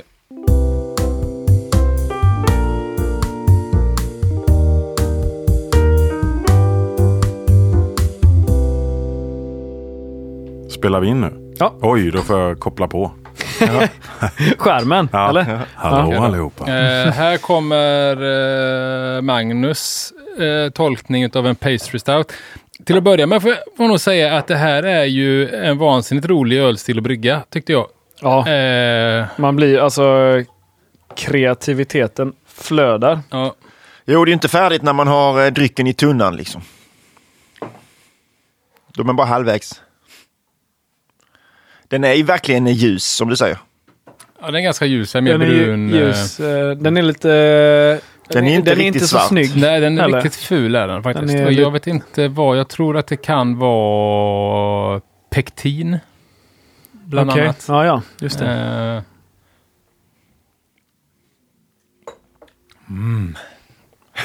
Du sa det ju Säg, säg själv. Vi hade inte pratat om smaksättningarna va? Men nu sa du ju pektin så fick vi mig att tänka att det är någon slags frukt i. Men, eh, ja. Eh, det... eh, Din har ju klart minst, eller den är ju den är minst pastry av våra tre. Ja, det, ja, jag fegar väl kanske lite ut. Mm. Alltså, på hjärtat så tog aromerna slut. Eh, eller den ena. Det, Det- det är ju... Den Det här är, vilken ju... panik pastrybryggaren känner när aromerna tar slut.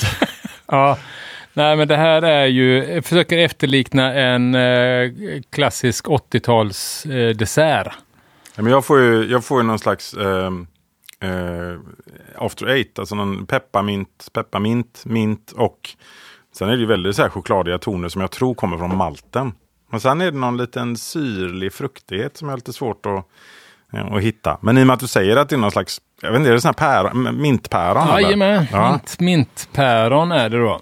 Eh, så den är ju smaksatt då med päronpuré, eh, päronarom, mint, pepparmintsarom eh, och eh, kakao då, flytande kakao.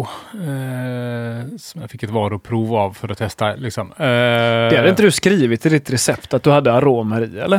Det? nej, det hade Nej. jag inte, men det behöver man inte va? Nej. men- Vad säger lagen? Nej, det, Ja, har du aromer i så får du, måste du skriva att det är aromer. Ja. Eller naturliga aromer. Eller Ja, vad det är en ja. arom av. Om det är, okej, mm. ja. Men det som, det som är... ehm, ehm, där tappade jag helt bort. Men jag skulle säga det som är intressant med den här ölen. Så kommer jag inte på någonting. Men det gjorde jag. Jag återkommer till det alldeles strax. Men det här är ju, för det märkte jag ju, att pepparmintsaromen var ju jävligt mycket mer potent än, jag har ju eh, fyra gånger mer päronarom i än pepparmintsaromen. Eh, pä, jag tänkte säga att päron är ju, eh, och då kanske man inte går in bara på arom, men päron är ju jättesvår eh, frukt. Eh, det ger så lite smak liksom. Jag vet att de som gör eh, hantverksglass, Ja, som har liksom som policy att inga aromer, bara riktiga råvaror. ja, ja. Du älskar, vet en, älskar päron, Ja. kan inte göra päronglass. Okej. Det går inte att göra päronglass Okej. med bara eh, päron i så att säga. Och, och det blir nog ännu svårare, för det var det jag skulle komma till med vad som var intressant med. Det blir ännu svårare också när man ska jäsa grejerna också. Det jäser bort eh, fruktsockret eller sockret och så, så smakar det inte som den frukten. Nej. Just när vi har i frukt i massa grejer. Det är också det som tvingar pastry stouten lite in i, om vi ska kalla det, aromträsket. För att man vill att den ska smaka päronmint isär. Då får du nog toppa den där frukten du har lagt i med lite päronarom också. Absolut. Då hade, den, då hade vi varit hemma. Ja, ja, men det är ju päron. Men jag som sagt, jag skulle haft i mer päronarom, men det var den som tog slut då. Men när hade du i päronpurén? Eh, jag jäste ut ölet Ja. Eh, och sen så skulle jag ju få in den här flytande kakaon då. Eh, och då hade jag ju päronpurén då. Eh, För att då funkar ju den andra jäsningen. Det, när gästen börjar äta det här fruktsockret i päronpurén, då tänker jag att då funkar det som ett antioxidationsmedel också. Att den syren som kommer in då kommer ju gästen konsumera när den äter upp eh, päronpurén. Liksom. Så det var vid eh, när den stannat på 1065 då. Ja. Eh, och då sköt jag in allt det här. Alltså, två kilo. Men du är inte rädd att flaskan ska sprängas sen? Eh, nej, den, nej, jag hade stabilt, eh, stabilt, eh, utan det fick ju jäsa ut sen och Mm. stå en vecka till och sen Ja, ja. så fick Mm. jag stabilt. Hade du aromerna efter det? Ja, ja, sen så fick den stå och sen så har jag, sköt jag in aromerna i, eh, vid buteljering ungefär. Precis veckan innan träffen då. När du transfererade till serveringsfat? Nej, Nej. eh, jag sköt in det i serveringsfatet. Okej. Mm. Cool. Ja, jag, tycker, det- jag måste säga jag tycker det här är gott eh, öl. Jag drack inte så jättemycket av det på... Du drack inte någonting? Jag smakade Alltså, på den. Ja, Jag har inte sett, jag vet inte om jag har sett någon människa i hela mitt liv som varit så bakfull. Nej. Alltså han kom till mig på morgonen och bara, ah, Simon, va, va, va. jag tänkte, trodde han skojade liksom. Jag bara, ah. Och sen så visste jag att han var så bakfull. Ja, Det, det går inte att spela mer bakfull än så. nej. Nej, det var, var lite, lite bara, vem fan har släppt in den här pundan? Nej, Ja, men det var ju också pinsamt som fan. Det kom fram jättemånga lyssnare och Ja, ville ja. prata och jag fattade inte vad de sa. Jag förstod inte ord. Nej. Eh, Så det är så, här- nej, jag var inte så stolt över det. Jag var inte så nöjd med det heller. Men, Nej, nej, nej. Brukar du bli så bakis? Det- en gång om året ungefär. Okej. Eh, jag, vet, jag vet inte riktigt. Jag vad- tänker när vi ska till San Diego där, om du kör du bara varannan dag då eller? Ja, nej, jag, får, jag, ja, jag vet faktiskt inte riktigt varför det blev sådär. Ehm, det var dålig stil av mig. Det hände också på min svensexa. Alltså dagen innan min svensexa Nej! drack jag. Eh, och sen när jag blev eh, kidnappad på morgonen så Ja. var jag svinbakis. Det var också kul. Ja. Lämplig dag. Ja. Verkligen. Men eh, det jag skulle säga, jag tycker, jag, tyckte den, är- jag tycker att det här är en väldigt god öl. Jag tycker den smakar väldigt gott. Men den är ju liksom kanske för återhållsam för att eh, Var det en bra pastry? Ja. Men det håller jag med om. Det är för lite. Liksom. Jag skulle fläskat på mer. Liksom. Men jag tyckte ju ändå att, eh, att, att jag kan dricka skiten. Ja, Ni fattar vad jag menar. Jag kan ändå... Men, eh, och det kanske man inte... Och det kanske är liksom också ett tecken på, är det på en bra eller en dålig pastry. Ska man kunna dricka en bra pastry i stora klunkar eller är det en smuttöl? Liksom? Just det. Ska den vara liksom... eh, Man äter ju inte dessert på en uh, måltidstallrik. Liksom. Nej, Nej, vi har nog nej. gått åt andra hållet och tänkt att man fläskar så jäkla på med ölen så nu ska vi baske mig fläska på med förpackningsstorlekarna också. Jag har ju med mig en, kanske inte att den går in under pastry stout eh, eh, parollen, men något liknande och vi förpackar ju dem på 50 centiliters. Vi förpackar ju 16-17-procentiga fatlagrade pastry stouts på 50. För det, Men oh, jag säger inte att man ska dricka den själv. Eh, Herregud. Men eh, vill man så.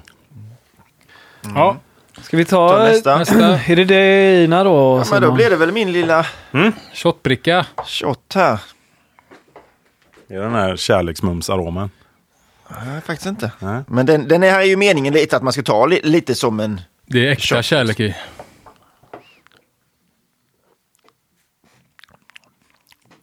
Det blev lite fastare skummet denna gången. Det är inte riktigt lika bra. Det ska helst vara lite mer rinnigt. Är det sån här eh, hårskum eller? Nej, det var genialiskt Ja. utav Simon. Det här var köra verkligen, här, eh, ja, verkligen genialiskt var detta. Det måste jag säga. Nu får ni berätta. Vadå? Ja. Skummet? Eh, ja, men eh, vi får ju berätta för lyssnarna också då. Här jag ju, valde ju att servera min eh, stout med ett eh, kaffeskum, sån här Dalgona-kaffe. Som är uppvispat med ölen med eh, kaffe och socker då, eller sån här eh, torrkaffe och socker som är ihopvispat då.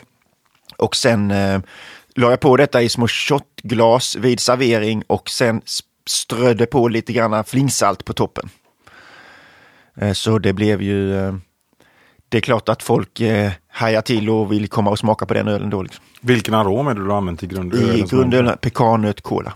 Okej. Eh, inte jättemycket heller. Jag skulle nog nästan kunna säga att min också tog slut. Ja, det känner jag inte heller så himla tydligt. För jag har, vill du ha bara grundölet i ett glas, Thomas? Och, Ja.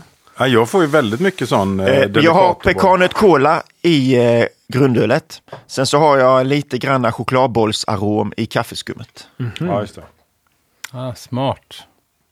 Nej, men det var ju, det här var ju verkligen... eh, Mm. Det var ju den stora snackisen får man säga. Mm. Bland folk på, eh, på Porter och Stout-träffen var det ju eh, som vi pratade Ja. om. Jag vet inte om vi sa det, men Och vi kan ju avslöja att det var jag som vann då. Mm. Du vann ju interna tävling. dels ganska- våran interna tävling, dels tävlingen för starka klassen och dels hela jävla skiten. Mm. Kan man ju säga att du vann. Ja. Ja. Och eh, ja, precis det. Jag kan inte annat än liksom ödmjukt anse att det var, sig. det var verkligen rätt val. Mm. Ärligt talat. Och jag är så avundsjuk på att du tänkte så jävla bra.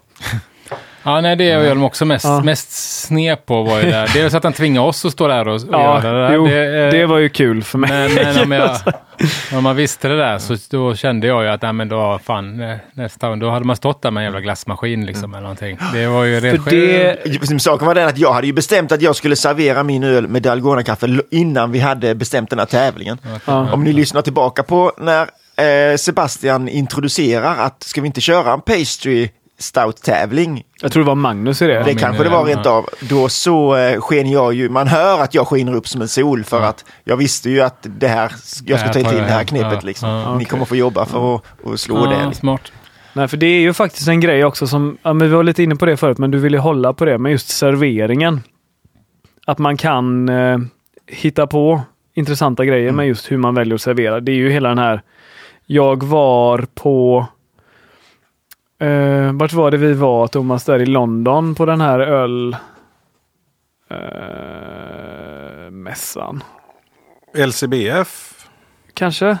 i... ehm, jo, men det var det väl. Där kom ju där ni. Tobacco. Ja, ja, just det. London Craft Beer Festival. När Omnipojo drog igång sin glassmaskin eller sin soft serve-maskin med någon Imperial Stout så Mm. blev det ju den längsta kön man såg på hela helgen. Liksom. Mm. Det är ju en... eh, Det är ju... Folk tycker det är otroligt, otroligt, otroligt roligt ju. Så att jag... Det var ju bara hatten av för det. Ja, verkligen. verkligen. Jag kan inte heller. Jag är bitter, men eh, det var en värdig vinst. Absolut. Ja, men jag menar när man står så på en eh, festival då eller om det är en sån här hembryggartävling med Folkets val. Alltså du först, visst du måste ju brygga en god öl, men sen är ju också jäkligt viktigt att folk kommer och smakar den liksom. Och då kan man ju, ja, man kan ju antingen vara någon slags eh, influencer, någon poddare eller någon eh, annan sån som syns och hörs så att folk ja, men måste gå och prova deras öl. Eller så eh, kan man ju göra som en sån här grej med en servering liksom som gör att eh, folk ser det där lilla glaset och eh, ja, kommer ju för att, smaka den. Liksom. Man kan också ha en eh, halv meter hög rävstaty Mm. på sitt bord. Som vi hade. Precis. Fan vad det folk åt oblater alltså. Ja, som- Jag såg fler folk som åt oblater än som röstade. Det var många som hade skrivit ölets namn på obla, eller ölets Ja, okej. siffra på oblaten Också, innan de röstade också. Innan de åt den. Ja. Ja, vi hade alltså vi hade en kanin med tre fack i på huvudet där man la i en oblat för att rösta på öl 1, 2 eller 3 då. Var det en kanin? Nej, det var en, det var en Ja, räv. räv. Eller det Ja. var... Konstnären sa att det var en kanin. Ja. Men alla besökarna, som då tydligen får bestämma, sa att det var en räv. Ja, Folkets val har bestämt liksom. Och Simon sa att det var en gris vid flera tillfällen. Ja, det var fel. Det, var, eh, gr- det så ser inte grisar ut. Ska vi ta det tredje ölet som vi Ja. serverade här då, det starkaste då? Jag vill bara säga en grej till som jag har gått och tänkt på. Ja, Och det var just, och jag misslyckades med just det denna gången. Att när jag, eh, för att eh, när jag serverade skummet på träffen där så var det ganska så flytande. Mm. Och det är ju så himla mycket bättre så att man får lite, samma sak eh, när man dricker en hot shot till exempel. Och så får man så här jättehårt vispad grädde på toppen. Ja, då dricker man upp kaffet och gallianon och sen så ligger grädden kvar i glaset.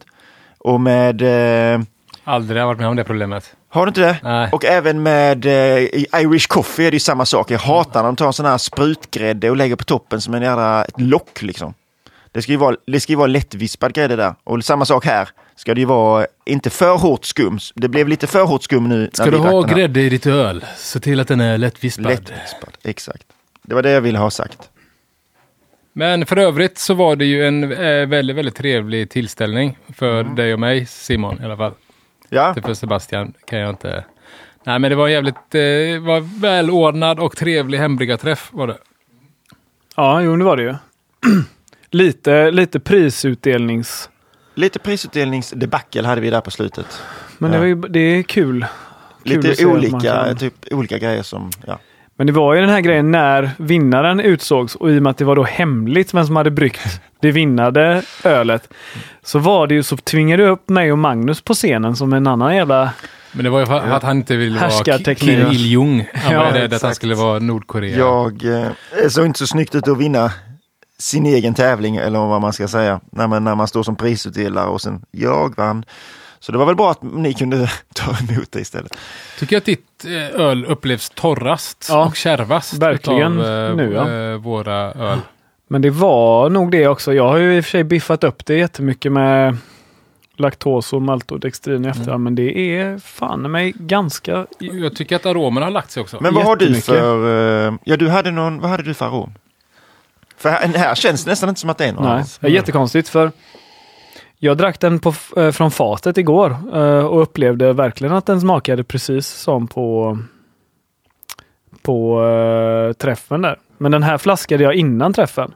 Så det är möjligt att den kanske inte hade hunnit sätta sig riktigt än.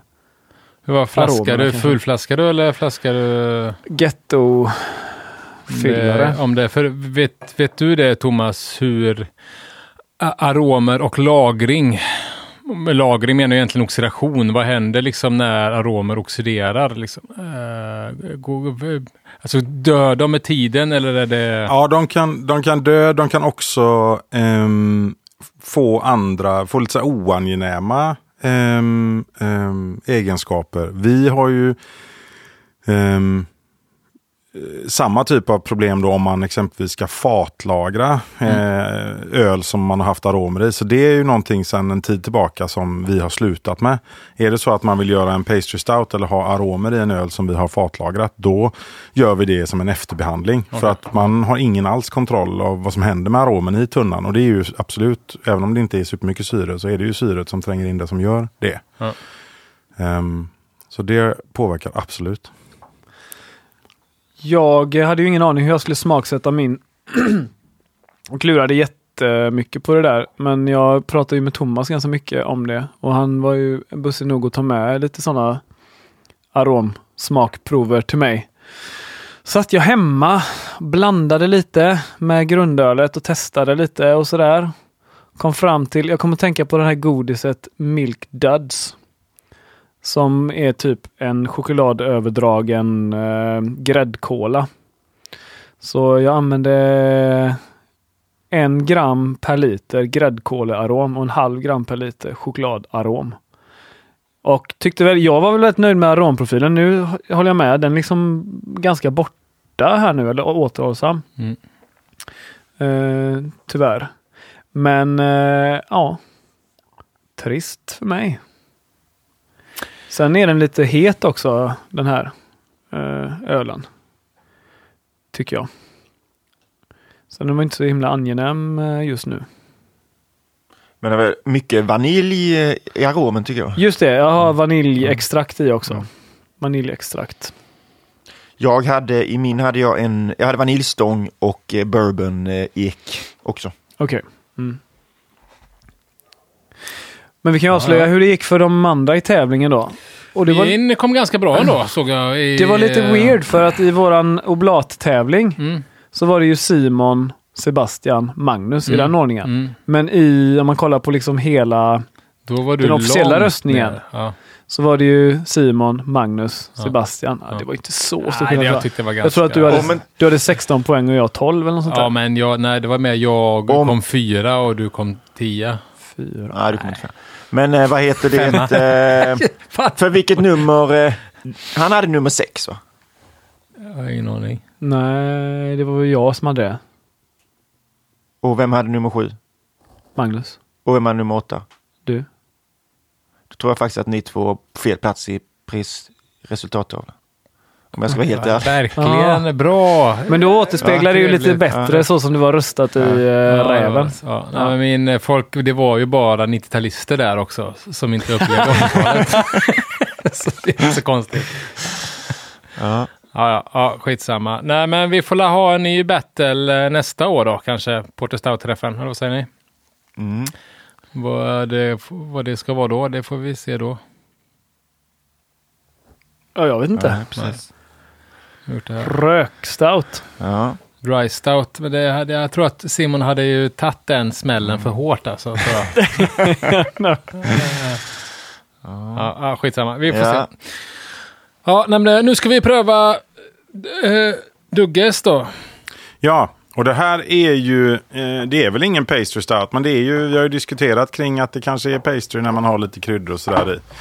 Och det där är ju en eh, påsköl eh, som vi har gjort, ehm, som är extra allt, tänker jag. Ehm, jag, jag minns nästan inte. Ja, Ja. den hade hög viskositet, ja. Mm. Sånt, eh, jag har ju faktiskt inte provsmakat den här själv, så det ska bli lite intressant. Och vi landar. Rätt mörkt. Mörkt skum. Det är också en sån god hinna som ligger kvar när man snurrar den i glaset. Den här... eh, Lacings. Lacings. Ja, den, som, den som sätter alla de här smakerna utan att läsa på burken. Han ska få en resa till, med Stenabåten till Fredrikshamn. Uff. Och gå på The Reef. Yes. Luktar kokos. Med kokos, ja. Det luktar eh, kärleksmums liksom. Ch- choklad och Kaffe. kokos. Det luktar jättemycket tonkabönor också. Stämmer. Mm, aprikos. Nej, det är ingen aprikos. i- Aprikos. Eh, Brandy. eh, konjak. Just det. Mm. Så den är... ehm, det är ju ett he- en hel del eh, eh, kryddor och grejer i den där. Eh, kokosen och bergamotten är efterbehandlingar. Och den har även då efterbehandlats med dextrin. För att öka viskositeten. Eh, de andra grejerna i inga aromer i den där. Bergamott är ändå ett... eh, Det är ju det det är generalsnus va? och eh, i Earl Grey, Earl eller? Grey te, ja. Mm. Det är en citrusfrukt i Italien som inte doftar citrus. Nej, den är väldigt, eh, väldigt nästan enbärig Mm. på något sätt. te, Och gör den. väldigt, eh, väldigt potent. Grymt svårköpt också. Eh, om man vill ha, ha så man kan ha det i öl. Jag har ju bryggde ju IPA med bergamott och Imp Stout vet jag när jag bryggde med italienare. Mm. De älskar bergamott i Italien så de fick man liksom sk- skalad bergamott torkad liksom som vi använde både i IPA och i Imp Stout, kommer jag ihåg. Det här var gott alltså. Det Ja, här, det är var, det här hade... Den går ju in som eh, pastry tycker jag. Ja, mycket verkligen. mycket Ja, genom verkligen. viskositeten och... eh, Det Jag vet inte hur stark den där är. Den 13 kanske? Någonting sånt där va? Har vi landat på. 12,7 står det här. 12,7. Mm. Men då har ni alltså de som är på ännu starkare då, 15 alltså. Ja, den där har ju också, den ölen, ehm, jag skulle tro att det var en 11-procentig öl som gick i tunna. Och sen har den blivit 12,7 efter fatlagring. Eh, vi brygger ju, grundölen vi brygger nu är, brygger vi till 15 procent och sen fatlagrar vi dem. Ehm, så vi släppte ju någon här för några år sedan som hette 16, vad hette den bara, 16 stout. Och den var väl på 18 procent tror jag. Eh, men då, hade, då var de väldigt blöta tunnor som hade göttat till sig med, med ölen. Då. Men ni har gått över helt till eh, burk nu eller från flaska eller ni kör fortfarande, ni kör eh, både och? Ja, vi kör både och. Flaskmaskinen, men den går, den går mindre och mindre. Och ehm, vi har ju alltid hört att när vi väl går över på burk att låt inte stoutsen och pastry stoutsen gå över på burk för att det är ingen som köper det. Men vi testar. Vi hoppar också på burkgrejen rätt mycket senare än många andra. Ehm, så nu testar vi att köra allting på burk mest för att eh, omställningen, eh, att ställa om i bryggeriet, är så tidskrävande. Ehm, och också då, ska inte sticka under stolen, men att Systembolaget premierar ju burk. Och nu börjar det till och med över lättviktsglas så börjar de premiera burk och ha, ha med det i sina offerter och så här, att de ska vara en viss typ av hållbar förpackning. Så vi får se. Och sen har vi ju valt som sagt 50 burkar då för att det ska vara mycket. Eh, det blir ju inte, de blir inte billiga ut till, till kund. Men, eh, men det ska bli intressant att se om det fungerar. Annars har vi ju vår eh, flaskmaskin där som vi kan köra igång. Det är inga problem. En tanke jag hade med flask, eh, flaska pastry stout är ju det här med, det är svårt att jobba med Simons sån här servering lite grann. Mm. Men vad tror ni om idén det här? Du vet vissa sådana här, man kan köpa sådana här färdiga yoghurtburkar där man får, du vet, lock, i locket så ligger müslin. Just det! Tänk om man hade en sån, fast kan man öppna kapsylen så, så är det liksom en behållare i kapsylen som man sen öppnar och häller i glaset med strössel eller granola. Eller, Varför inte? Mm. Om, de Ta, hade, du om, kan, ni kan ta den. Nej, men om, de hade, Systembolaget hade godkänt det, det, det vet man inte. Men om de hade gjort det är det ju rätt spännande. För när, om vi, när vi väl är inne på servering, det, är ju också, det finns ju också en fara i om grundölet inte är hundraprocentigt att göra en extravagant servering. Och sen när folk köper ölet eh, och inte får en, en donut eller får det i softserve, att det var någon helt annan upplevelse. Vi har ju lite samma i början av programmet så testade vi den här cocktail souren. Och den ska ju egentligen serveras med någonting till. Alltså salt på kanten på glaset eller socker eller kanel eller vad det nu kan vara då, för att komplettera ölen. Och den upplevelsen kommer ju bli så himla mycket är så himla mycket större än att inom citationstecken bara dricka ölen från burk då. Jag- Sådär fickvarm på en parkbänk på Aha. en festival. Ja. Liksom. Det, nej, men jag fattar. Ja. Det, Men det är en, det är en intressant, eh, det, det är ju inte jättelångt från det här eh, vilka var det som gjorde det? Både Guinness och Kilkenny De hade så här nitroboll, nitrobollar i fortfarande som man bara... Wi- Widgeten. Ja, Ja, som men bara det har de kvar fortfarande. Mm. Ja, det var ändå bra jobbat tyckte jag, Thomas. Det var väldigt gott. Ska jag ta med mig och skicka vidare. Har vi något mer att säga om den här? Massor, Ja, men... Eh, det kommer i pastry-avsnitt nummer två. Precis. Så vi ska prata om White Pastry Stout. White. Ja. D'oeuvre stout. Ja. Ja. Nej men det var väl det. Vi ska spela in ett litet eh, Patreon-exklusivt eh, eftersnack då. Ja. Mm. Och sen eh, om två veckor så pratar vi stark skotte. Ja. Den ska inte vara allt för pastry. Nej, Nej. för det är inte eh, godisbiten skotte vi pratar om. Nej, Nej. just det. Det kunde många tro kanske. Ja, det var många. Alla trodde det tror jag. Ja. Ja. Nej men vad bra. Thomas, tack så mycket för att du ville Ja, stort tack. Ja, verkligen. Tack så jättemycket för att jag fick komma. Ska vi dra... Vad skulle, en, han skulle, det är du som hittar på namnen på ölen va? Jävlar ja. va? Är Ja. det det? Är, det du som sån- hittar på är, det, är det sånt bonusmaterial efter avsnittet innan avsnittet är slut nu? Jajamän. Eh, på Duggis så är det jag som hittar på de absolut flesta namnen. Ja, Mm. så är det. Var det du som hittade på den här Dugges Thomas som släpptes? Just det. Mm. Ja. Jag fick tänka länge. Och sen kom det till mig. Du är det finaste jag vet. Nej, det har ju en egen, eh, egen liten historia, de här ölen vi gör med, med namn på folket från bryggeriet. Då. Vi har en serie med, med eh, personalöl, kallar vi dem.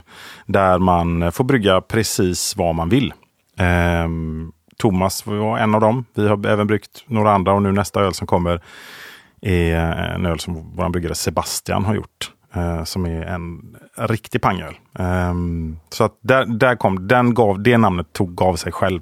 Vad är det här då? Den här heter eh, Easter Hoop. E-star Doop. Ja, Men det är påsk antar jag, eller? det är påsk på hindi och det är dop är rökelse. Så när vi provade den här ölen innan vi skulle, innan vi skulle buteljera den så tänkte vi att det är lite som att gå liksom genom en indisk marknad. Det händer så jäkla mycket i den. Eh, och sen eh, ska man ju vara helt ärlig och säga att vi får ju böja sig för Systembolagets krav för vad en påsköl är. Och då ska den ju heta någonting med påsk. Eller associera. Så det är ett ägg också på etiketten för den som ser ägget. Om man snurrar hela burken så här. Ja. Mm. Ja, en stiliserat ägg och så lite påsk eh, på det då.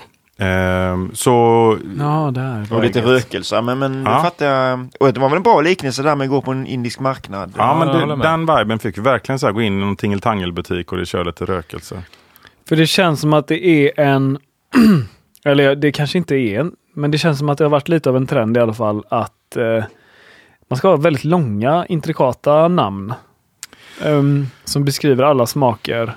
Mm. Är det Typ. namnen verkligen? Vi brukar sätta det, det vi på våra burkar kallar att det är stilen. Eh, så att ölen har ju inte det fullständiga namnet som du läser på etiketten. Utan den heter Nej. Istar Dop och sen är det stilen.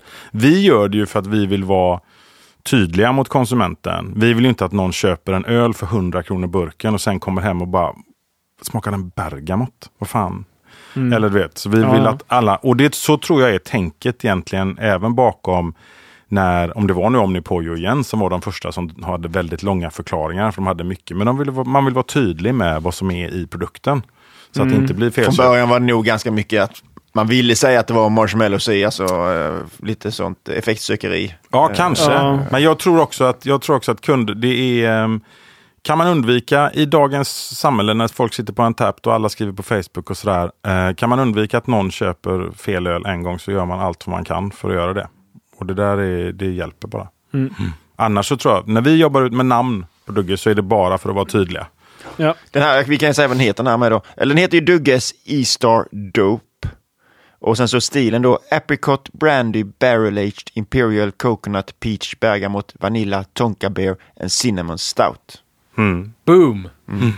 Och det är ju precis Ingen vad det är. Ja. Ingen. Inget vatten eller Ja, men gillar man inte någon av de smakerna så kommer man ju undvika den ölen. Ja. Eh, så är det ju. Och det är väl det är lite så vi jobbar med det. Ja, okej. Mm. Gött då. Ja, i och med att det här inte är, var något vanligt ölstilsavsnitt så har i alla fall inte jag suttit och Nej, på det här namn. var ju inget ölstilsavsnitt. Det här, det här var ju ett avsnitt som handlade om en ölstil. kan man säga.